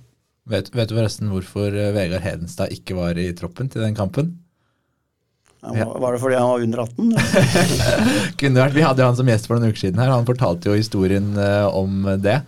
Du Husker det, det? Ja, Det var vel noe såpe i dusjen, var det det? Han hadde hatt uh, Tor Marius Grumstad som hadde, de hadde dusja, og så hadde han uh, skulle ja, tulle med han og han hadde stått med en sånn sjampo som spruter, og så hadde han fått den rett i øyet. Eh, så, det var litt, litt flaut for han å si fra om fraværsgrunn til Jan Jønsson og gjengen rundt der, men eh, det var derfor han ikke fikk uh, vært med på turen. Jeg har, jeg har en litt kjedelig historie også fra, fra den sesongen. Altså Brann borte. Der er det sånn at For å få medalje, for å liksom få navnet sitt for at du har vunnet seriemesterskapet i Norge, så, så må du ha spilt det året så måtte du ha spilt tre kamper. Eller du skulle ha vært innpå i tre kamper. Jeg vet ikke om dere har snakka om det før, men uh, Even. Even Ja, men du, Det er morsomt at du forteller det. Jeg, jeg, jeg, vil gjerne høre, høre fra, fra, ditt ståsted. Det er jo litt annerledes enn oss fans. For jeg, jeg sa det jo da vi hadde Eggen Enstad. Han var liksom ja, faen, det er sant det. For jeg husker det veldig godt, at han sto og venta på å komme inn, og så skjedde det aldri. Ja. Men hvordan, hvordan opplevde du det? Nei, altså det var jo, det var jo akkurat sånn at uh, Even hadde jo signert for klubben før, uh, før den sesongen, tror jeg, hvis ikke det var i 07. Jeg er ikke om det er 07-08 der. Uh, Lars Bohin var sportssjef, han skulle signere en ny keeper. Jon var ikke god nok, begynte å bli gammel. Jeg brukte flere millioner på, på å signere en unggutt. Og, og eh, nå ble det jo ikke sånn, men han sier jo det. Jo, men eh, vi sørga for at du ble god, vet du. For han, eh, han løfta deg. Men, men, og det kan godt være. Vi hadde et utrolig bra samarbeid, Iven jeg og Albertsen, som var keepertrener da. Pål. og Og at, det, at han har hjulpet meg dit, det, det, er ikke noe tvil om at man er et team. Eh, så, så, men det er klart at det er det, Han står, og når vi har sikra Det var jo 1-1 lenge, skårer veldig seint. Når det skåringen blir avgjort, så er det det å få, få kanskje, fordi det er vel tredje siste kampen, så hvis han skulle fått medalje, så måtte han ha fått ett sekund i den kampen. Og han står klar for å komme innpå. Eh, og nå Hva het han igjen? Eh, danske bekken vår. Eh, Keller. Keller har ballen og, og liksom trenger egentlig bare å liksom vippe den ut eller få mm. den til et innkast eller en eller annen dødball, men han klarer å liksom beholde den på banen. Og, og det går jo sekunder, og det går eh, og, da står han og tripper, og så ender de opp med at i stedet for at han får kommet innpå, så blåser dommeren av kampen. Og han får ikke det sekundet. Og det er klart at det var tungt for han, og det, det skjønner jeg. Og det man, eh, Ja, han eh, da blir det liksom ubetydelig den Vålerenga-kampen, men han, nå spiller han jo den siste mot Tromsø borte. Men eh, ja, den, den er seig. Den er seig. Den er seig. Jeg må si en ting, Christian Keller, jeg, synes, jeg vet ikke om dere er enig med meg, men jeg syns han ligner så utrolig mye på han Kasper Pedersen, som er uh, forsvarsbauta på Stabæk nå. Med bare begge to selvfølgelig skada av danske, men i ansiktet og uh, krigere fra Danmark Eller jeg vet ikke om jeg får noe støtte på den. Men. Jo, det er, det har hørt verre. jeg, jeg, tenkte på den. Jeg så et bilde her fra kampen i går. Ja. Det var Bakenga som var i bildet. Men jeg ser jeg Einar Stabæk som er, har en blank kisse, så da tenkte jeg på Keller. Jeg gjorde det. Før vi går til quizendere, bare siste um, innspill. Det har fått fra en annen keeper som nesten ikke slapp til mens han var i Stabæk. Jon er å bli en kjernekar. Lojal, seriøs og, har, og, var en veldig god keeper. Han gjorde aldri noe stort nummer av sin rolle, heller ingen som tok stor plass i garderoben. Vi fungerte veldig godt sammen som keeperkollegaer, selv om vi var konkurrenter. Og så husker en gang jeg gjenfortalte en børs i Dagbladet. Da ble han forbanna. Jeg tror det er eneste gangen jeg har sett han sint. Tror aldri han leste børser etter kamper. Noe? Da skjønner du kanskje hvem vi har snakka med, men eh, vil du fortelle historien? Husker du Nei, men, det, men det, det, det, var jo sånn at jeg Det blei jo Man henger seg opp i ting, og og eh, man er jo opptatt av hva andre mener, eh, i hvert fall for min del. Og eh, man prøver jo liksom å beskytte seg sjøl, man prøver å ikke ta det innover seg. Og, og, da er det jo sånn at Jeg bryr meg ikke om børsen, er det jo mange som sier, men, men jeg følte jeg Jeg kan ikke si det hvis det plager meg å lese den. Så, så det, det, var nok eh, fra og med da ja, hvor jeg liksom prøvde å unngå å lese børsen uansett. Eh, ikke bare når det gikk dårlig, fordi da bør du i hvert fall la være å lese den, men, men, også når det gikk bra, og liksom skjønne at det, det her er det én enkelt person som, skal, som mener noe om deg, og, og de er litt forutinntatt. Eh, det er dem. og så, så, så, jeg begynte å la være å lese den, selv om min mor leste den ofte da, og, og likevel fortalte hva det sto der. Liksom. Så, men, eh, men det, det, var, det, er litt sånn, og, og jeg merka jo det spesielt når jeg blei landslagskeeper også. At det rare er liksom at snittet ditt plutselig går opp. Ja, du kanskje leverer bedre, men jeg, jeg opplevde liksom at eh, da blir du mer anerkjent fordi du er en landslagskeeper og får noe mer gratis enn enn når du kanskje ikke er det, eh, og, og presterer på samme måte, da, følte jeg. Så nei, sånn er den. Vi kan jo si det som eh, børssettereven, eller vi har satt mye børser opp igjennom, og det er jo rett og slett sånn at uh, i hvert fall de gangene jeg har gjort det, så sitter og liver kampen, altså skriver live-referat ofte. Eh, hvor du skriver hva som skjer hvert eneste minutt, og samtidig skal du sitte og notere plusser og minuser på 22 spillere. Mm. Så det er jo ikke sånn at du bare sitter og har børs, og så er det vanskelig da å vurdere, og så plutselig Eh, så skal du Det er mye, da. Så det er på en måte At den skal bli eh, Fasit blir jo litt rart. Ofte skal du sitte og skrive en, kanskje en kampsak også samtidig, og så begynner du å skrive den kampsaken når det er spilt en omgang, og så ser du ikke alle detaljer, så det blir sånn Hvor mye er den egentlig verdt? Men det er jo det folk følger med på, og ja. for mange er jo det en uh, fasit. Ja. Ja, man prøver jo, Jeg må innrømme at jeg leser jo det nå også. Man prøver å ta, få ut et bilde da, av kampen. Så det er klart at, Men det er igjen da, som som du sier, da, de som setter, de, de har jo vanskeligheter for å liksom få med seg alt. De får ikke med detaljer, og da blir jo, da er man jo Ok, han kjenner jeg godt, eller han kjenner jeg ikke så godt. og så men det er klart når du, man setter enten strykkarakter eller én, og sånt, da bør du ha sett godt, altså vurdert det sterkt. da, fordi det er klart det, det, det, skal ikke påvirke en profesjonell fotballspiller, men det, det gjør det. Har du fått noen tilbakemeldinger på børser du har satt fra spillere? Ja, det er vel eh, enkelte som ikke er så fornøyde. Men det er som du sier, det er nesten sånn man ikke bryr seg. Det høres jo dumt ut å si, men hvis du liver og så setter du børs, så er det litt sånn Å, han har jeg glemt på. Ja, for fire. De tapte 2-0, selv om han har spilt en kjempe... Altså sånn Ja. Jon Knutsen tre dager siden han slapp inn to mål, men egentlig var han dritgod. Altså sånn, det er bare sånn det funker, dessverre, da. Ja. Så, um, men ja, du har vel også fått høre det, Ja, det er, eller det er noen som det er Veldig få, men det er noen som har sendt eh, meldinger. Det, for jeg føler det er litt sånn som fotballspiller at det er sånn Nei, jeg bryr meg ikke om hva som står. Eh, at det er litt sånn hvis du, hvis du går i diskusjon med journalister eller liksom tar opp den kampen, da har du tapt, på en måte da, fordi da bare viser du at å ja, jeg bryr meg. på en måte. Nå er det jo, er det lenge siden du spilte, da. Eh, men det er jo veldig få. Men det er noen som har kommet inn i innboksen der, og da da har jeg tatt, eh, tatt den kampen og sagt hva jeg har ment. Jeg prøver å gjøre det nøye. da, Det som var med NTB, som jeg jobbet for, som hadde de live-referatene, da hadde vi faktisk lov til å ha med oss en til som skulle hjelpe med børsen for at det skulle bli så bra som mulig. Så da ble det jo bedre. Men ofte så sitter du der og er ganske alene. Ja. Eh, Og da er det vanskelig. Men eh, nei, nok om børs. Nå skal vi over til ukas quiz.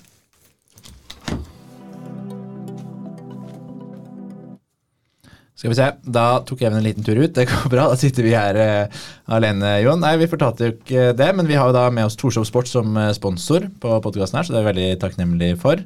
Uh, og Forrige uke så hadde vi med Attit Berg som gjest, og da var quizen hvem som er kaptein på årets Bærum-lag i andredivisjon. Uh, vet du? Eh, tipper jo Ulla, da. Det er Christian Arvesen. Men eh, det var ikke forventa at du skulle kunne den. Da skal du følge godt med, men det var noen som hadde fått med seg det. Eh, og hvis du kan trekke, jeg har lagt fram lapper her. Eh, vinneren da, som svarte riktig, som da vinner et gavekort på 500 kroner fra Torshov Sport. Skal vi se, her står det Erik Beutelsbacher. Så gratulerer med gavekort. Da kontakter vi deg. Eh, og så har vi ny quiz denne uka her, eh, og det er knytta opp mot eh, dagens gjest, Jon Knutsen. Og quizen den er rett og slett eh, hvem var Stabæks trener i 2000 da Jon ble henta til Stabæk? Vi nevnte det her i stad, så hvis du har fulgt med, så har du fått det med deg. Hvis ikke, så skal det være mulig å gjøre en liten innsats for å google det, og gevinsten er jo da er stor med 500 kroner i gavekort. Og da kan man sende inn ja, litt forskjellige steder, eh, Even. Ja, e-post, Twitter, Instagram, Facebook. Så hvis du ikke er der, da skjønner jeg ikke hvordan du hører på podkast, men uh, da finner vi en løsning. Kan du si det på livepodkasten vår 8. juni? Ja, Bærumsball at gmail.com, det er i hvert fall mail, og så er det lett å finne på andre sosiale medier. Men hvem var altså treneren til eh, Stabæk i 2000 da Jon ble henta til eh, klubben? Det var en mann som ikke var norsk og ikke dansk, og da trenger jeg ikke å si så mye mer. Men lykke til med det. Ja, Endre, vi, vi er jo på over timen allerede. Det er jo eh, veldig gøy, så vi får jo tute videre. Vi bare Ja. kjapt ja. en siste i denne omgangen fra en, en, en bekk i Stabekk eh, tidligere som skrev eh, La oss starte med garderoben. Jon var en fantastisk type. Rolig, behersket, reflektert og ekstremt i store bokstaver selvkritisk. Var kritisk til seg selv på alle i store bokstaver mål vi slapp inn, selv om ingen store bokstaver keeper i verden hadde tatt dem. Denne mentaliteten og hungeren for å alltid bli bedre tror jeg gjorde at Jon kom på landslag til slutt. Og så har han eh, tatt et sitat fra Jon Knutsen. Kan alltid gjøre noe annerledes for å forhindre målet. Siden dog han fortjente landslagsplassen en god del år før han fikk den. Egentlig helt utrolig at det tok så lang tid. En jævlig vinnerskalle på banen og superprofesjonell i måten han trente og forberedte seg på. Eh, eh, husker han byttet til nye hansker én gang i uka. Om det var fordi han hadde en sinnssyk svettelukt, er det noe som er ubesvart. 52 hansker i året! Ti utropstegn. Jon og Mike hentet meg ofte på skolen, slik at jeg slapp ta én time T-bane fra skolen til trening. De tok virkelig meg under vingen, og noe jeg kommer til å være takknemlig for resten av livet. Jon er jeg virkelig hel ved, en person jeg virkelig unner all suksess og kun det beste for. For, er nærmer Jon Knutsen seg litt rørt? Ja, ja, det er utrolig hyggelig å høre. Altså, når, når det er mange som sier de samme tingene, så er det jo veldig, veldig, veldig hyggelig. Det, men jeg, jeg var jo som sagt i en veldig bra gjeng, og det var mange, mange bra folk her. Og, og da blir du liksom dratt med på, på den samme veien, da. Funka jo, funka jo, veldig bra. Og faktisk året etter at dere vant seriegull, 2009, så er jo det en veldig bra sesong. Landslagsdebut mot uh, Skottland borte der på Hampden Park, Colin Rullen. Men du blir faktisk årets keeper året etter at dere vinner serien, 2009, i det som da heter Tippeligaen, Kniksen-prisen. Kniksen Hva er det som gjorde at du på en måte og dere klarte å holde det oppe, for det er jo fort gjort man blir litt mett, men da flytter dere til Telenor Arena. Eh, det er plutselig Champions League-kvalifisering, men dere klarer å, selv om dere blir nummer tre, dere klarer å holde det på et bra nivå. Hvordan, hvordan var på måte, gruppa på den tiden da? Nei, ja, den, den, den, var jo helt fantastisk. Eh, du var innom Kniksenprisen. Grunnen til at jeg ikke vant den i 2008, det er jo pga. keepertreneren som er i Stabæk i år. Eh, Espen Granli, ja. som, som, trente enormt god keeper i Lyn. Mm. Eddie Gustavsson. Ja. Det var jo, det var jo, han var jo enorm. Han, han, var jo overalt, mener jeg å huske. Jeg kan ta feil, men eh, han, det, det, mener det var han som eh, vant den da. Uh, uh, men, men, utrolig hyggelig å få det til i, i 2009. Nei, men vi, vi flytter jo ned til Telenor Arena. og Utrolig flott, flott arena og, og ta med oss mye av den samme, samme gutta. og og fortsetter å få lov å møte store lag som, eh, som Valencia og, og, og, eh, dessverre så Eller siden vi ikke slo de, så møtte vi FCK København. Altså, altså, det var jo en sånn go i hele området og, og laget, så og, eh, Nei, men heldigvis, altså så får vi det til der, i hvert fall det året. Og går vi litt lenger nedover etter hvert, men vi, vi, vi, vi, er på den flytsonen. Det er stor interesse for fotball, og, og, og Stabæk er i dytten i den, de periodene der.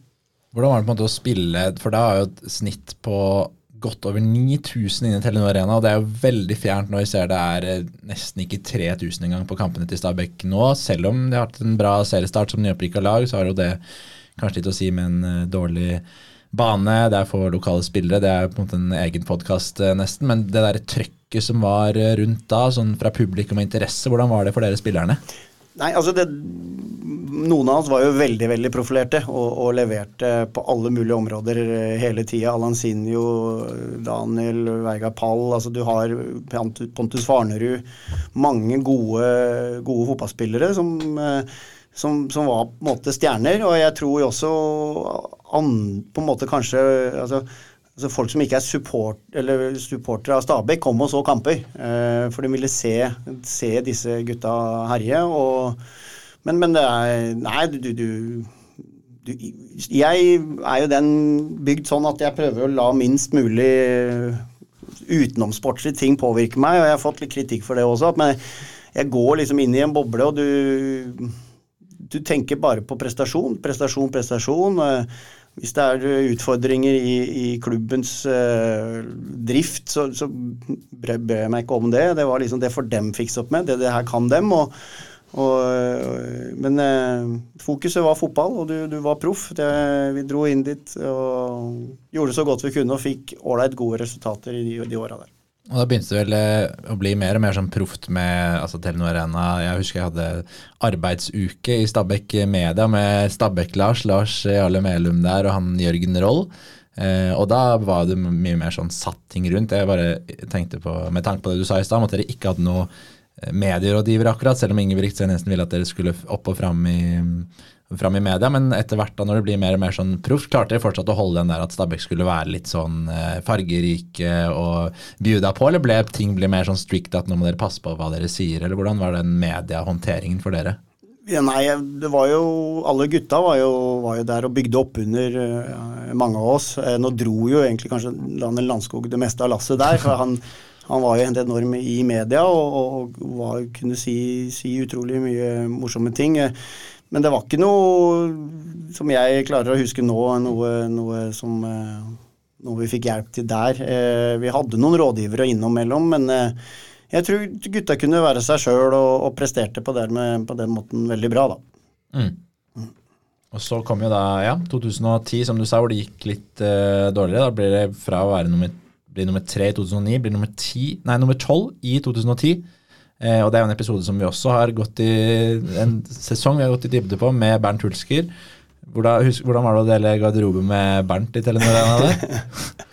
jeg vet ikke om jeg har sagt det, Vi hadde jo noen sånne IR-tester i den perioden der, og, og, vi skulle ta det månedlig. Uh, det, bare forklare hva IR-test er, for ja, de som ikke vet. Ja, ja. Nei, IR-test er jo for å teste er, hvor er de fysiske, din, din, fysiske situasjon nå. Altså, det er jo en, en, løpetest hvor du skal løpe etter en lyd. Beep? Pip, ja, det er jo en slags pip-beep-test. Ja, okay, riktig. Ja, det er det samme som beep-test, bare du får pauser. Da. Ja, litt nærmere. Vondt å snakke om. Ja, det var jo det Bernt uh, følte òg. Og, og det, mistanken er jo fordi den, den CD-en forsvant. Så vi fikk ikke fortsette å ta de testene, og all mistanke er faktisk retta mot Bernt. Han er hovedmistenkt. Han er hovedmistenkt. Men fant aldri ut av det? Nei, vi, har ikke funnet det. vi kunne jo bare finne en ny, men det, det ble ikke noe testing etter det. Nei. Nei. Okay. Asker og Bærum politidistrikt ble ikke kobla på saken og lagde sak? Nei, det, vi gjorde ikke det. altså. Eh, også fått innspill debutanttalen etter første A-landskamp. Hint Hareide i tanga på stranda i Rio. Hva skjedde der? Nei, men som jeg sa, så var jo Hareide der uh, som ekspertkommentator i de kampene, og jeg hadde enormt respekt for han uh, fram til da, og jeg, har det fortsatt for så vidt, men jeg men jeg, jeg husker jeg, vi var på mm, Rio badestrand der og Copacabana og liksom slappa av. Så kommer det to karer gående bort litt, sånn god runde, smørt inn med olje, tuslende bortover, og, og nærmer seg begynner jeg å erkjenne at ja, det er Åge Hareide, jo! og den der tanga, den var ikke store greiene. Eh, jeg tror det var David Vatne ved siden av.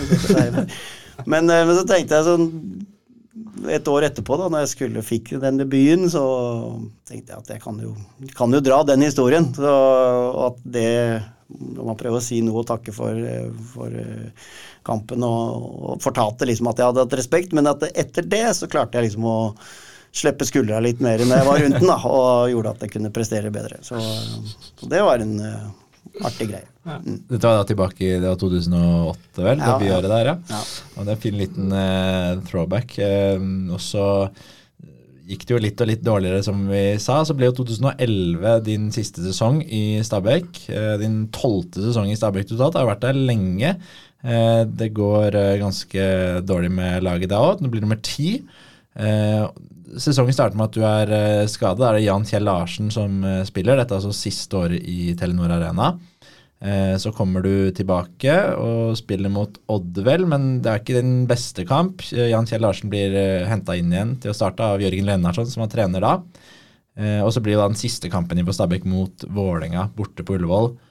som også var siste kampen til Freddy Dos Santos. Jeg husker jeg var på den, så det var jo han som fikk mest oppmerksomhet da. Men det som er litt spesielt med den kampen, som blir din siste Stabæk-kamp, er at uh, du ber om å bli bytta ut selv etter 53 minutter. Hva var uh, årsaken, og hva var det som skjedde da, som til slutt førte til avskjeden din med Stabæk? da? Ja, altså det var jo, altså 2011 var jo litt tøft, eh, tøft over for meg. Altså, jeg begynte jo å bli voksen, eh, men jeg var jo landslagskeeper. Jeg var førstekeeper når, eh, når sesongen starta. Vi hadde gjort det veldig bra på høsten. Vi hadde vunnet alle de tre første kampene i, i kvalifiseringa til, til, til, et mesterskap der og lå veldig godt an. Vi hadde Kypros, vi hadde Danmark i, i pulja. Og, og, Danmark var jo selvfølgelig favorittene, men øh, Og så er jeg Januar starter med ny, ny trener, Jørgen Lennarsson. Øh, Jan Kjell Larsen kommer. Eh, veldig talentfull keeper. Hatt litt trøbbel til Molde. Eh, og jeg, og, men jeg kommer litt i urytme på, på, vinteren der, hvor jeg har vært litt syk, vært litt innlagt og litt, litt sånn trøblete mage. Kan ha vært, kan ha vært noe à la det som slet med, med, i forhold til prestasjon og sånne ting. Men jeg, jeg blir kvitt det, men jeg, finner liksom ikke rytmen og, og, og frykten liksom om at uh, man skal møte Danmark, man skal avgjørende kamp. Uh, jeg driver med litt sånn tankefeltterapi, jeg driver med litt sånn pusteteknikk. Jeg var veldig sånn alternativ av meg. Jeg syntes det var spennende. Uh, det kan ha blitt for mye av det.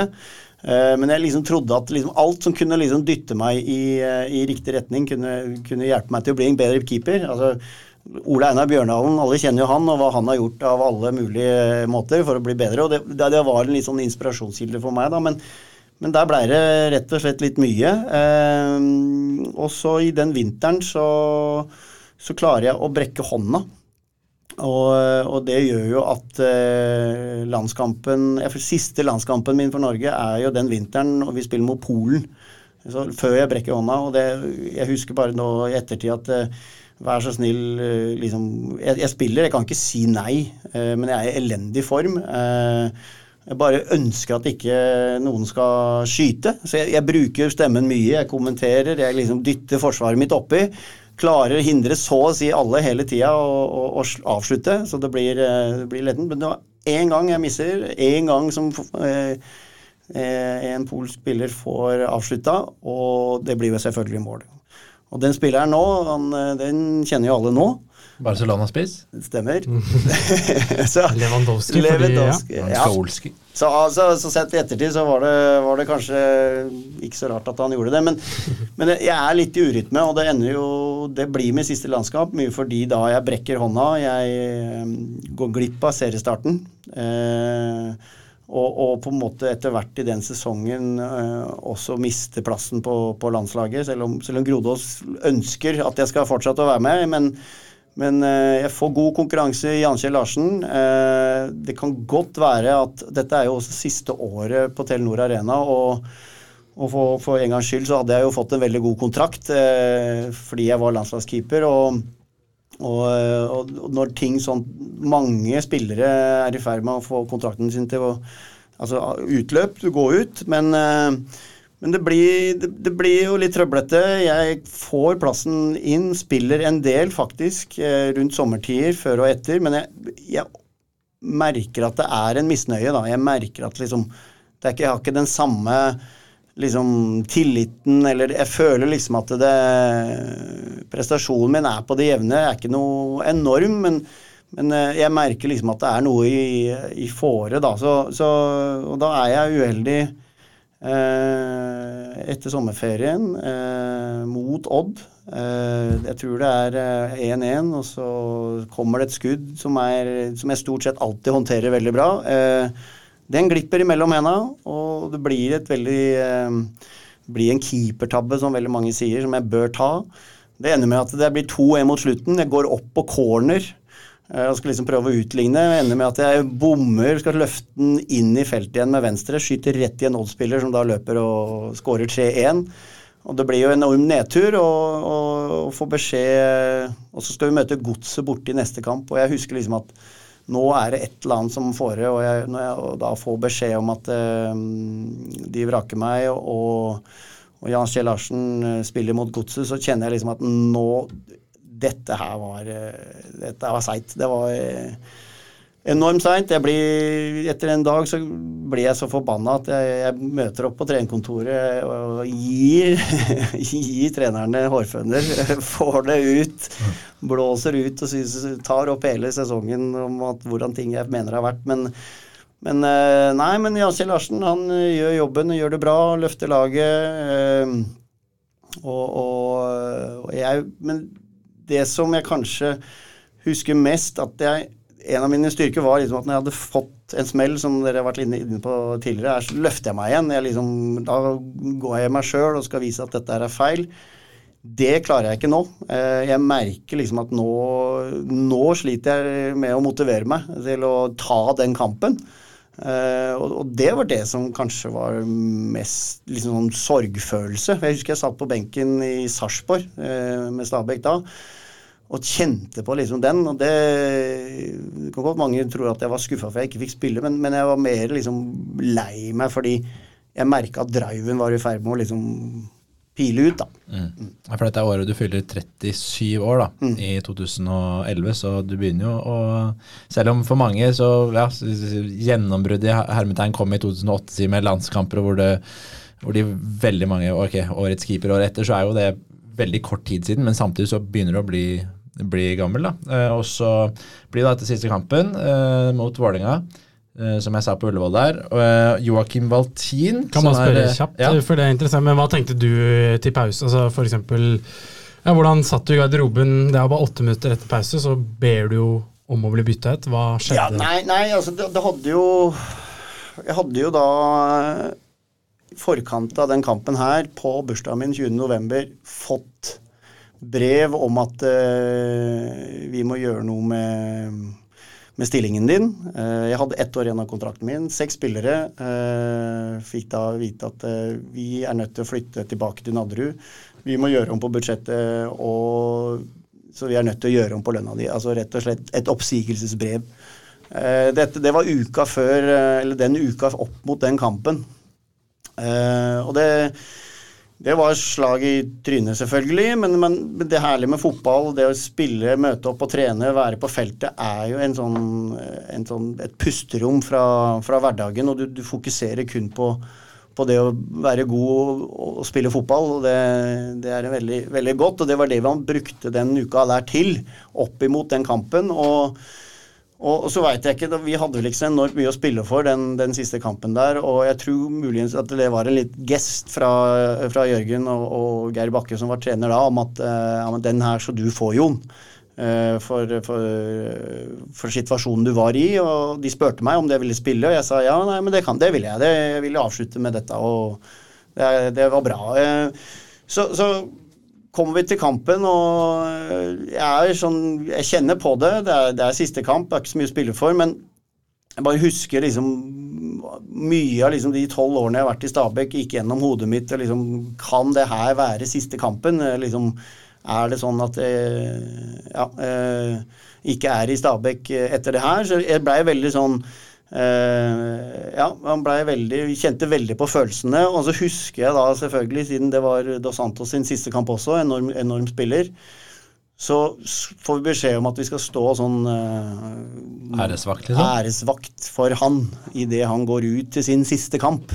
Og, og, og, og for Vålerenga. Og, og, det var en litt dårlig start for meg. Og, for jeg, jeg, jeg, må innrømme at jeg kjente, jeg kjente, veldig på det. At liksom, ok, nå står jeg her og gir han æresvakt, for all del. Han, all kred og fortjent.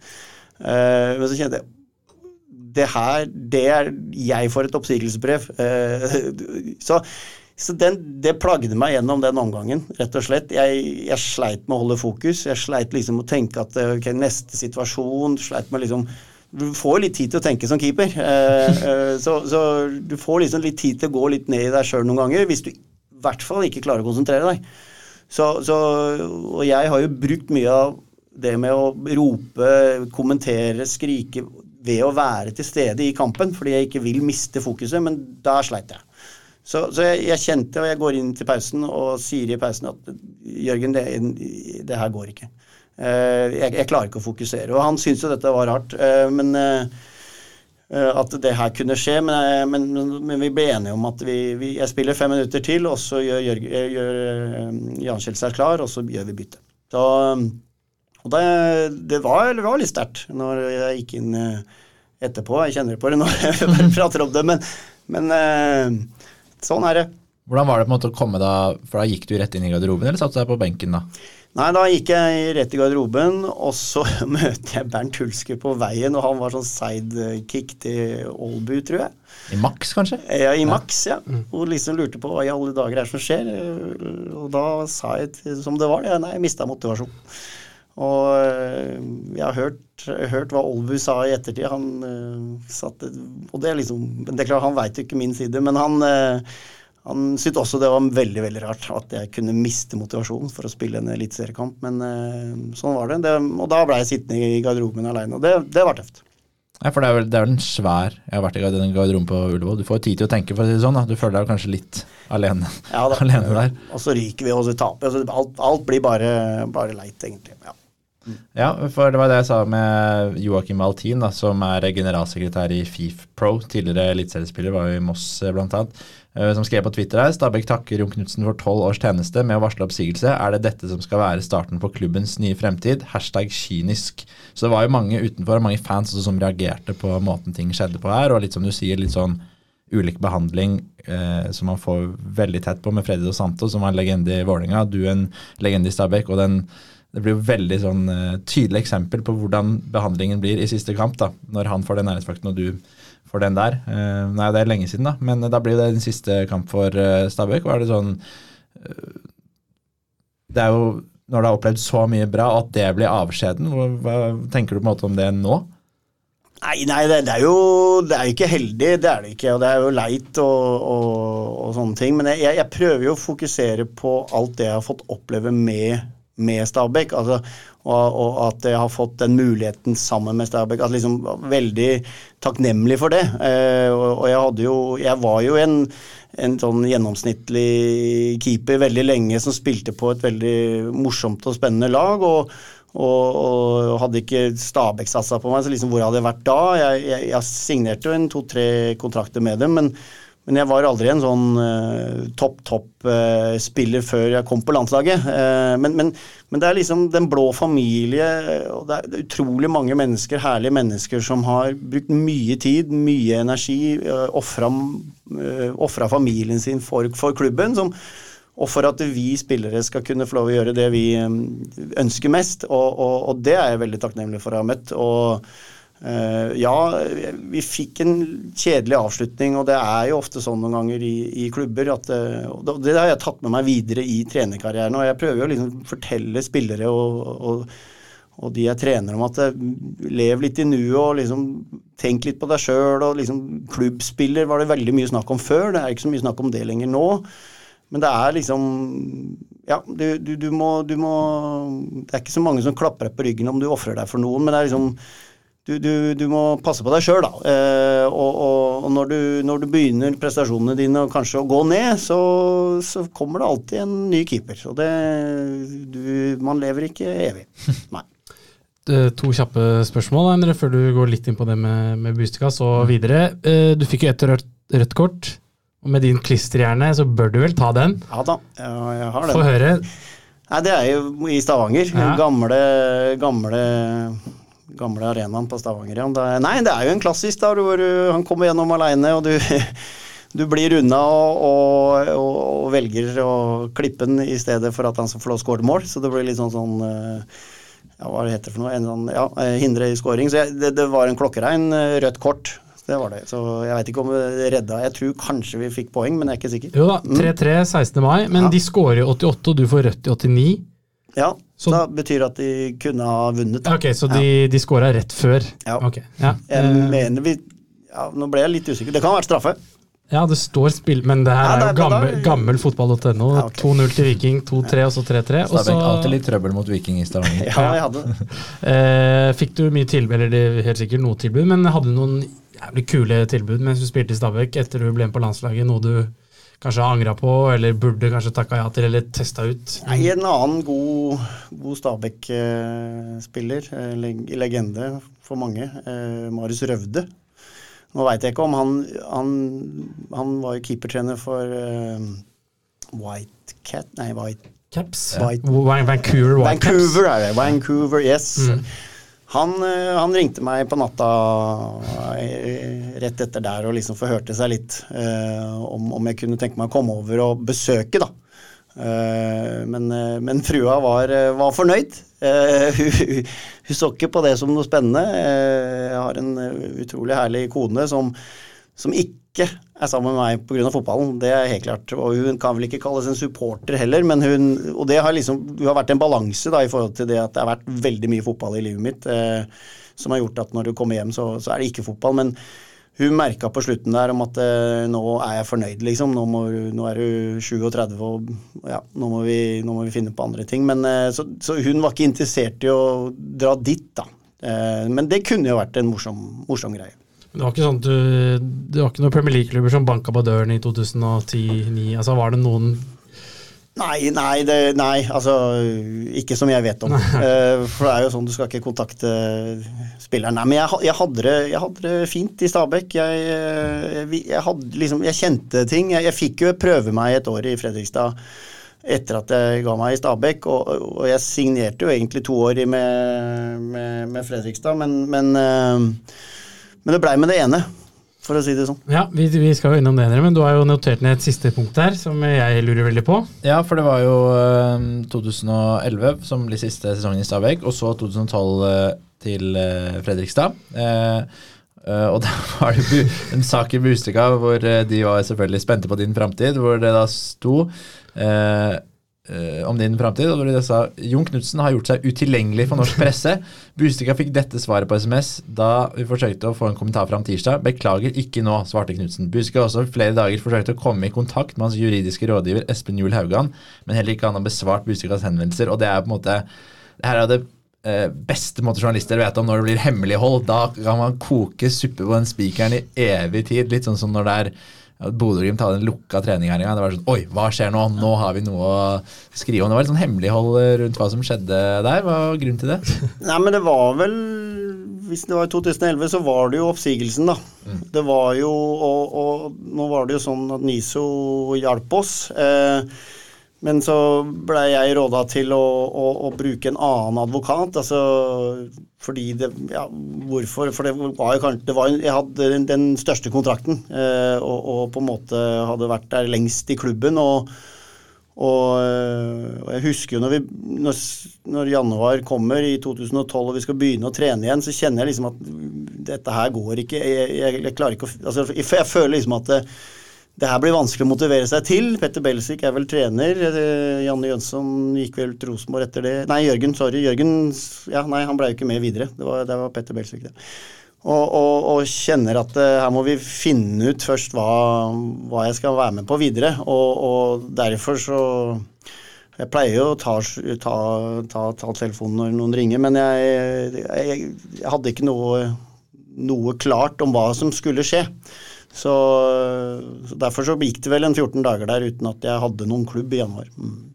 Så er det et uh, kult Fredrikstad-lag du spilte på, da, med mange som fikk A-landskamper eller hadde fått, med Hait Al-Malesami bl.a., Jørgen Horn, Tariq Elionussi. Mats Hansen spilte på laget, som jo også var Stabæk-fan i sin tid. Vi prøver å få med ham på en episode senere også, men så legger du på en måte opp etter 2012 så er det lite mini-comeback året etter eh, i, eh, i, Lillestrøm. Men da begynner du på en måte litt sånn nytt liv som keepertrener, hvor du begynner på NTG her på, på Bekkestua. Hvordan var det på en måte å, å, legge opp og på begynne på noe annet, selv om du fortsatt er i bransjen, men går fra å være spiller til å være trener? Nei, nei, jeg, jeg velger jo å si opp kontrakten min med Fredrikstad. Eller jeg ble enig om at, uh, at jeg skal jobbe for gatelaget til Fredrikstad. Uh, de starta jo uh, dette gatelagsprosjektet som nå veldig mange klubber har. som som er utrolig nyttig. Og jeg fikk muligheten til å på en måte en overgang med å være leder for det eh, første halvåret sammen med, med med Biffen, mener jeg han heter. Og, ja, eh, de som er liksom lengst framme innen det der nå. Ikke fra Olsenmannen? Nei, det er ikke det. det, er ikke det. Egon og Benny og Kjell på slep der. så, så, og så ble jeg kontakta av NTG og Viggo Strømme om, om jeg kan bli keepertrener for NTG. Uh, og jobbe to eller tre dager i uka der. Så jeg kombinerer det den første tida med de to tingene. og, jeg, og og, og, og, tenkte ikke så mye på at det, var i, nærområdet med Stabæk, men liksom, jeg, jeg, får muligheten til å jobbe med unge keepere. Jeg tenker at det her kan være et, et karrierevalg med å være, bli keepertrener. Og, og, får en litt større stilling i NTG etter hvert, hvor jeg også får lov å jobbe med, med jentene eh, sammen med Katrine Pedersen. og og, og, jobber i NTG i seks år, men å få jobba med Stabæk-keepere daglig. Så, eh, jeg, og jeg trivdes utrolig godt med å jobbe med, med de på NTG. Utrolig fint miljø, og, og, få muligheten til å utvikle seg videre. Men, så, så, jeg var i nærheten av Stabæk, men jeg hadde ikke så mye med Stabæk å gjøre. Og så var det da, ja, LSK kvinner etter hvert, og Strømmen, og så har det vært Lillestrøm herrer de siste årene før du fikk uh, ny jobb uh, nå, for ikke så lenge siden. Kan du fortelle litt hva du holder på med i dag? Nei, nå har jeg blitt uh, keepertrener for damelandslaget. Fulltids. Jeg var så heldig å bli ringt opp av Lise Klavenes som sa det at nå har vi opprettet en helt ny stilling til deg. Det er kult. Det er kult. Det er litt vanskelig å si nei til.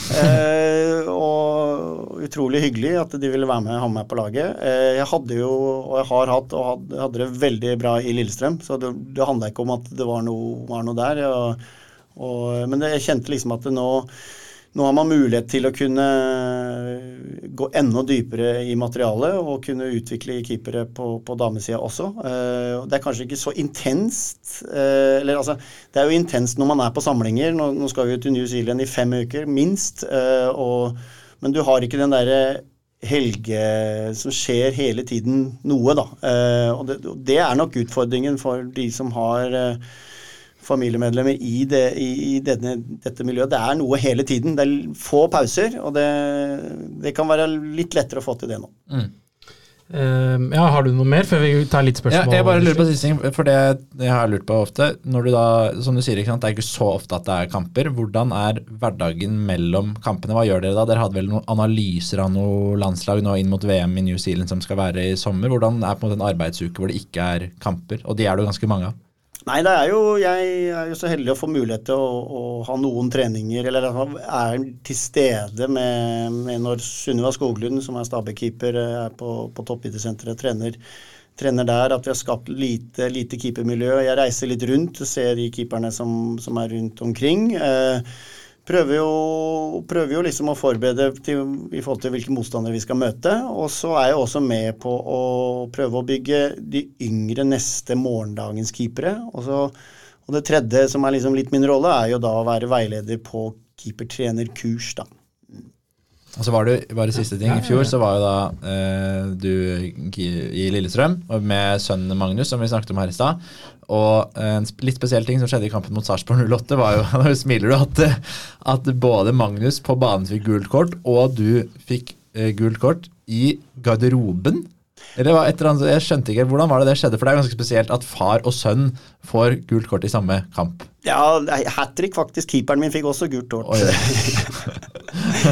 Nei, altså det, det, var jo altså Plutselig så er det Nei, jeg var veldig sånn på at uh, det er jo denne sekssekundersregelen, da, ikke sant. At uh, i, i, periodevis så opplever man at den er, den er borte. Og det, det, er godt mulig at den er òg, fordi det, man opplever jo noen ganger at man enkelte lag skal ødelegge litt momentum, og da holder keeperen den litt lengre, man bedrøyer, og så liksom gikk jeg bort da og sa fra, sa fra til fjerdedommer om at nå, nå er det bra, liksom. Nå har dere sagt at han skal bruke kortere tid. Det her går ikke. Og jeg tror jeg fikk gult kort fordi jeg gikk ut av teknisk sone, som det heter. Mm. Mm.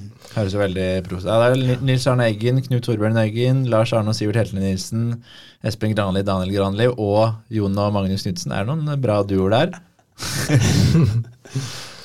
Uh, ja, Endre Nei, det, det, var, ja, det var jo siste år i klubbfotballen foreløpig, da. 2022. Sånn er landslag, så blir det spennende å følge, følge Norge i uh, sommer. Uh, siste ting jeg tenkte på også Vi har tenkt på mye, men har du lest den keeperen som heter Den ellevte mann? Boka som heter, ja. ja. Ikke keeper. Nei, men jeg, har sittet lenge her. Den som Håkon Oppdal har skrevet? Ja, jeg er i gang med den, for ja. å si det sånn. Jeg, ja, det er det.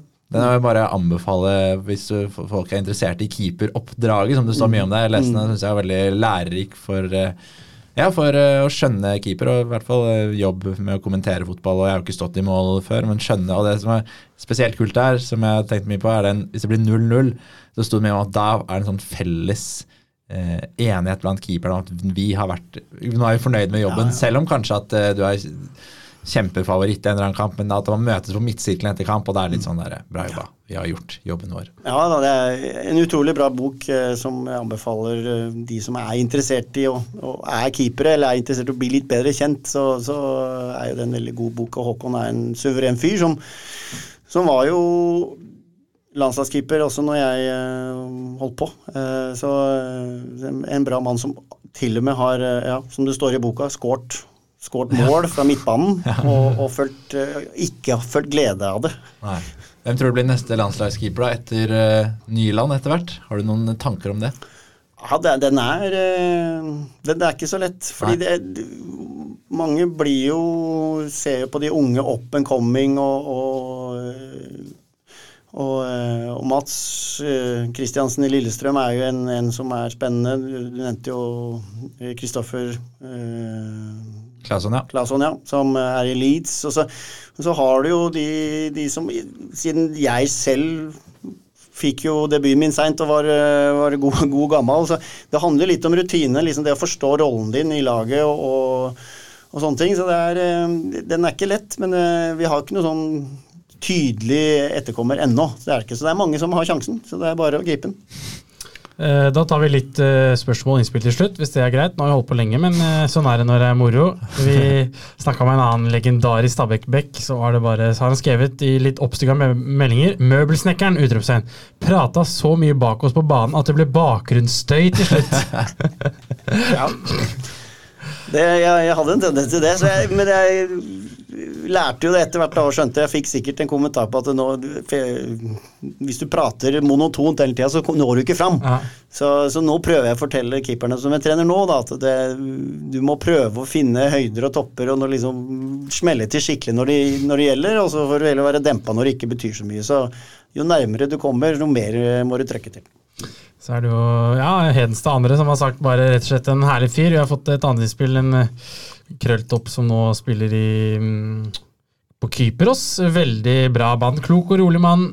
Aldri ufin med noen kreddeprofesjonalitet, og ble jo bare bedre og bedre jo eldre han ble. Eh, jeg husker starten da jeg spilte med A-laget, var det umulig å score på han på trening. Han leste hvert eneste skudd. Eh, det er mange som ikke forstår fotballsammenheng. Han trengte ofte ikke gjøre TV-redninger, for han sto så godt posisjonert og visste hvor spilleren skulle avslutte. Ja. Godt, godt, forsvar. Men det, det, var litt spesielt. I 2008, når, liksom, når, vi, når jeg ble landslagskeeper, så husker jeg det at jeg, vi holdt jo nullen veldig mange kamper på rad der i begynnelsen, så vi fikk en veldig sånn god start. Men, men jeg, mange følte liksom ikke at det hadde vært så mange skudd, men så viste det seg at det, det var jo jeg som hadde hatt flest redninger allikevel. Men, eh, men de, de, var kanskje ikke, de var ikke så spektakulære. De, og det, og det er liksom noe jeg prøver kanskje å lære bort nå også, er jo å prøve at både hovedtrenere og, og spillere og, og, og, forsvarsspillere må forstå liksom at det er en enhet med keepere. At jeg skulle ønske at kanskje man, man prater mer sammen, keeper og forsvarer, og finner løsninger, dekker skudd. Ser, det, keeperen ser ikke bare på ballen, man ser liksom på ok, nå er det forsvarsspillere eller det er medspillere, eh, motstandere foran deg. Så du, du må prøve å lese situasjonen vel så mye som skuddet som kommer, da. Og så er det en som har skrevet Jeg satt i hjørnet mellom han og Mix i garderoben. Mix kunne ikke fått en bedre oppdragelse. Og så sa han eh, smilefjes. eh, veldig mange gode fotballspillere innom Stabæk mens Jon var der. Det kom også opp mange unge gutter. Det hadde vært å høre, interessant å høre hvem Jon mener var den beste spilleren han spilte med i Stabæk. Nei, ja, men Jeg har spilt med enormt mange. så det er... Det, det, kan ta topp tre? Ja, kan ta, jeg, jeg, har, jeg, har, sikkert lagd en liste en gang. for Jeg har, liksom, jeg har gått gjennom det, ja, men da husker jeg ikke. Men jeg men jeg, eh, altså, jeg syns jo Pontus Farnerud var enormt herlig å se på. Liksom elegant i måten å spille på. Liksom, had, var liksom i forkant hele tida. Liksom, det, det, det, var liksom litt sånn uh, elegant over den. da. Så, så at han var uh, høyt der oppe. Uh, altså Veigard og Daniel, det, der, det, de gjorde, den smartnessen de hadde. Uh, Eh, bak i forsvar Mike Kjøle Kistad, André Flem, eh, Tommy Svindal Larsen altså Jeg har så mange. da, så der, og Petter Belsvik var jo innom der. Så, så jeg syns det mm, altså Tobias Lindroth altså, Det er så mange, da. Så jeg, jeg, jeg klarer nok ikke å, å, å plukke ut én eh, akkurat her og nå. Det er lov. Og så spurte også denne spilleren som tidligere har spilt i Start, for de som tar hintet. Hvilken unggutt imponerte han mest, eller hvilke unggutter da du var i, Stabæk, kom jo mange unge opp. Men det var ikke så mange som fikk eh, så mange sjanser. Nei, det er vanskelig å bli god i egen klubb. Det er vanskelig å liksom ta det der neste steget. fordi du, du blir litt sett på som junior uh, veldig lenge. Og, og, det kan være godt å kanskje dra et annet sted og heller komme tilbake igjen, sier jeg ofte. Og, og ikke noe for at det, eh, mange, mange, vil ha klubbspillere, mange vil ha de som går hele veien, men det er, det er vanskelig. fordi du du, du, blir tatt som junior selv om du er 25, men eh, Ja, nei, jeg, jeg har jo vært junior sjøl i Lillestrøm og kommet opp. Og liksom det å på en måte bli møtt og, og tatt vare på, bli sett, vil gjøre at de kanskje slipper skuldrene litt mer ned og, og får prestert bedre. Og, og, du har jo Jørgen Hammer, du har, eh, du har Mix, du har eh, også litt tøff erfaring med, med Baranek Hva het han igjen? En, han som reiste til Tyrkia og som var uheldig.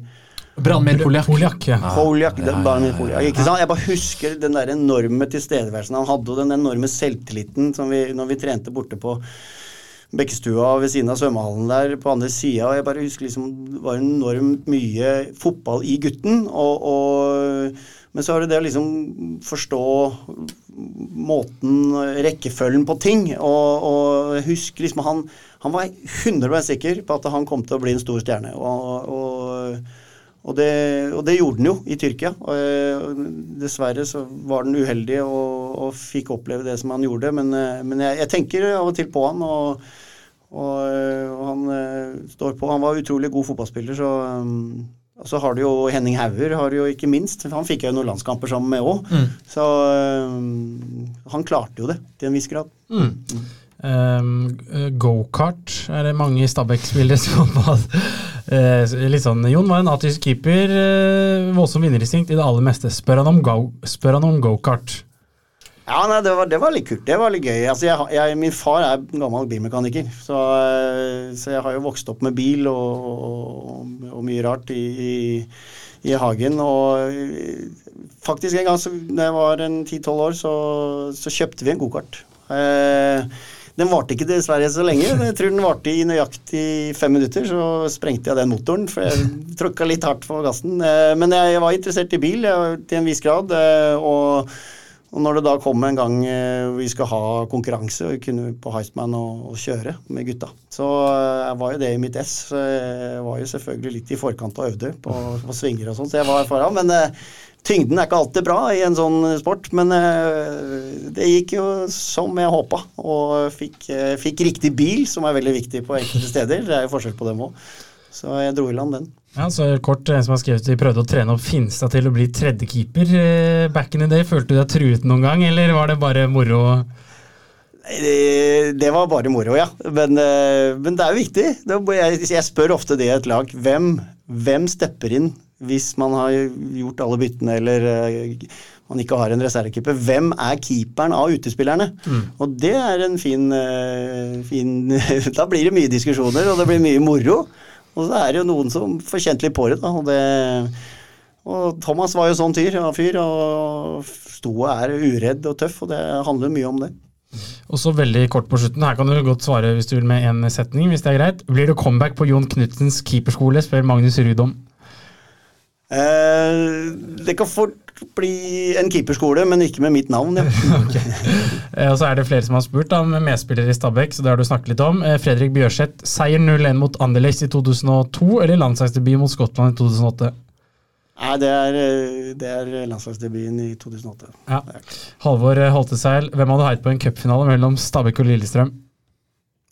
Oh. Ja, den, den, da hadde jeg vunnet uansett. Okay. Eh, Ragnar Nersten, en god en av oss. Eh, hva husker Jona Junisport på gode gamle Mix-tribunen på Nadderud og Telenor Arena? Oi, der uh... Han hørte ikke, han var inne i sonen ja, ja, forsvaret.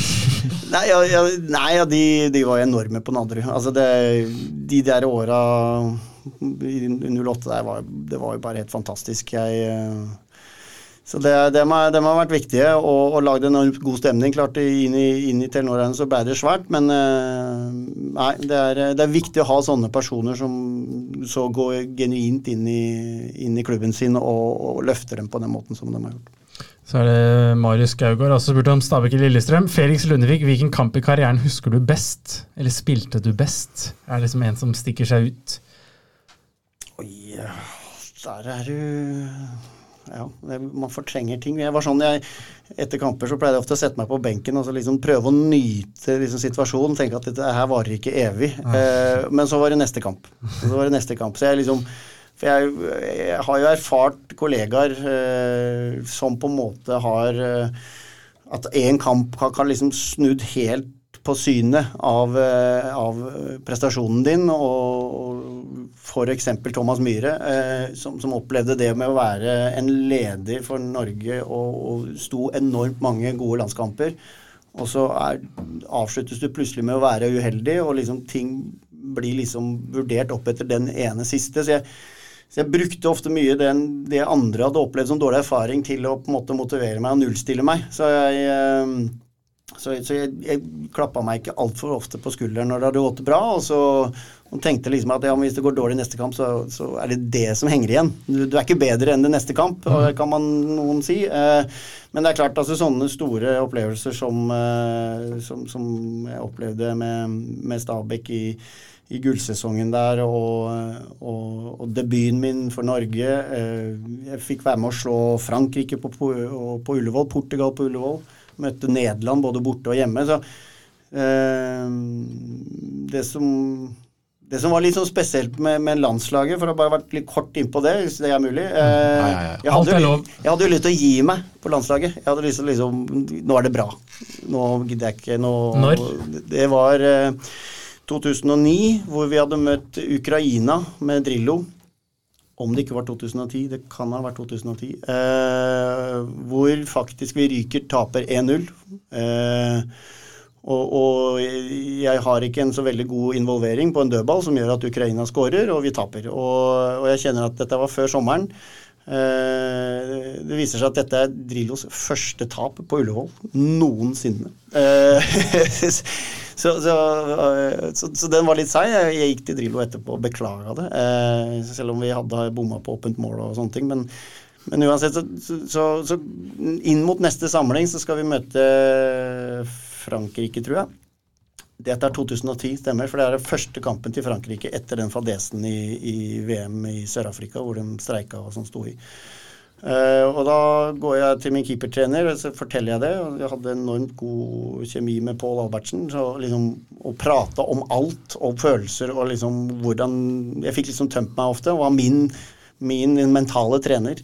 Uh, og jeg sier at jeg, jeg, tror jeg skal kaste inn håndkle. Uh, og han liksom skjønner jo ikke noe av dette, selvfølgelig, men han, eller han, han tar det jo på riktig måte. Vi, Eh, han sier at ja, men vi, vi, tar en prat. Eh, jeg tar med meg broren min, Tom, og så setter vi oss ned og så snakker vi litt om det. Og, og liksom du får lufta hva, hva, hva, er det verste som kan skje da, om du møter opp. Liksom, du, du, kan ikke, du, kan ikke, si stopp nå, liksom. Du, da får du heller spille deg ut, da, eller at du sier at, eh, at det ikke er ikke, Det er jo liksom Det er jo bare moro.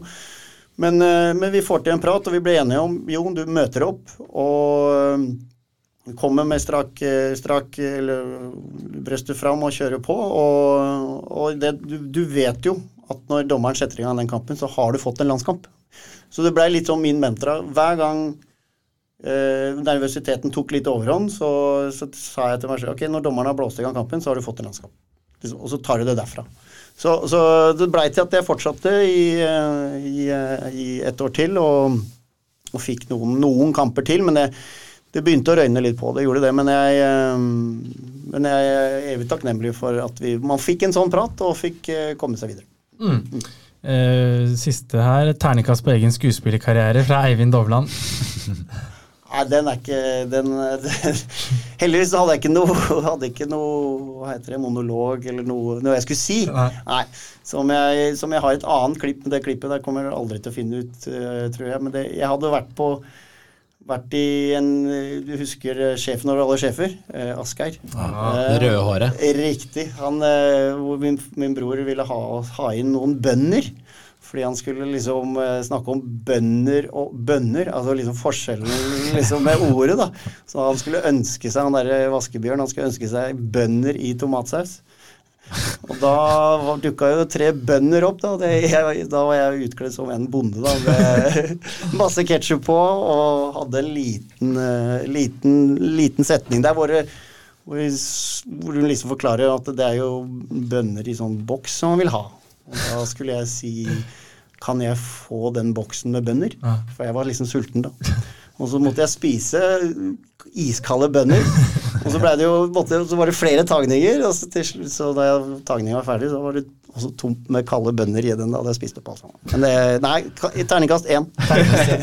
eh, runder av med en siste historie, eller historie, en, en, som har sendt inn at han har fått en drakt av deg i 2009, og så bare lurte litt på hvorfor. Han ville gjerne ha den signert, og da har han skrevet det, det, håper jeg vi kan få til. Men eh, han skrev hadde vært på en del arrangementer i regi av Stabæk i tillegg til fast plass på hovedtribunen. Snakket alltid med Jon på disse arrangementene. Husker godt etter kampen i Sandefjord at han la merke til meg blant publikum og så ut som han husker meg fra disse arrangementene, siden han pekte Siden han ga drakta til en vekter og pekte på meg, bare det at han husket meg med så mange fans på kamper og arrangement, ga en følelse av virkelig blitt satt pris på. Utrolig jordnær og ålreit type. Ja, men det var hyggelig. Det er, nei, men det er eh, Man kjenner jo igjen ansikter noen ganger, og man, man føler liksom at når man får mye fra supportere og de som følger med, så har man jo lyst til å gi tilbake igjen. så så nei, men det, var, det er hyggelig. Ja, men vi må få til det. Du får bare si ifra når du har fått den. Ja, sendte til og med bilde av drakta. Definitivt drakta i samlingen på 121 stykk, som bestyr mest for meg. Så er det uh, vanskelig å se, men Knutsen i 2009, så det er uh, stort. Så um, da må vi takke Ave Endre. Det har vært lang episode. Ja, det er en lang episode. Vi må ha siste spørsmål. Det er jo en Stabæk-fan som sendte inn der. Hva eh, du har jo spilt lenge i Stabæk, kjenner miljøet. Hva tror du skal til for at det skal bli enda mer engasjement rundt fotballen i Bærumsområdet? Nei, jeg, jeg, tror jo mye kan godt være at man får på plass den nye stadion. Får, får de fasilitetene som man ønsker. Eh, eh, det, det, det, tror jeg kan være viktig. Eh, eller det, det, tror jeg kanskje er en hovedgrunn som kan gjøre at, eh, at man har lyst til å være med, på, være med, videre. Men så er det det å vinne kamper da, og, og levere prestasjoner. Så, så kommer, kommer folket, tror jeg. Vi skal ikke ta med temperamentet ditt i firkant, eh, og heller ikke eh, enspretten og eh, keepertrenere, og heller ikke noe yogaprat, som vi hørte rykter om på mandager i din nye jobb. Så vi har vært innom ja, over 110 minutter, og fortsatt er det mye som gjenstår, men veldig fornøyd, Endre. Ja, vi får en del to om noen år. Men aller siste spørsmål. Hvis du hadde vært Even og meg og skulle intervjuet Jon Knutsen til Bærums Ball, hva ville du spurt Jon Knutsen om da? Hvis det er noe vi ikke har vært innom. Da har vi runda livet ditt her.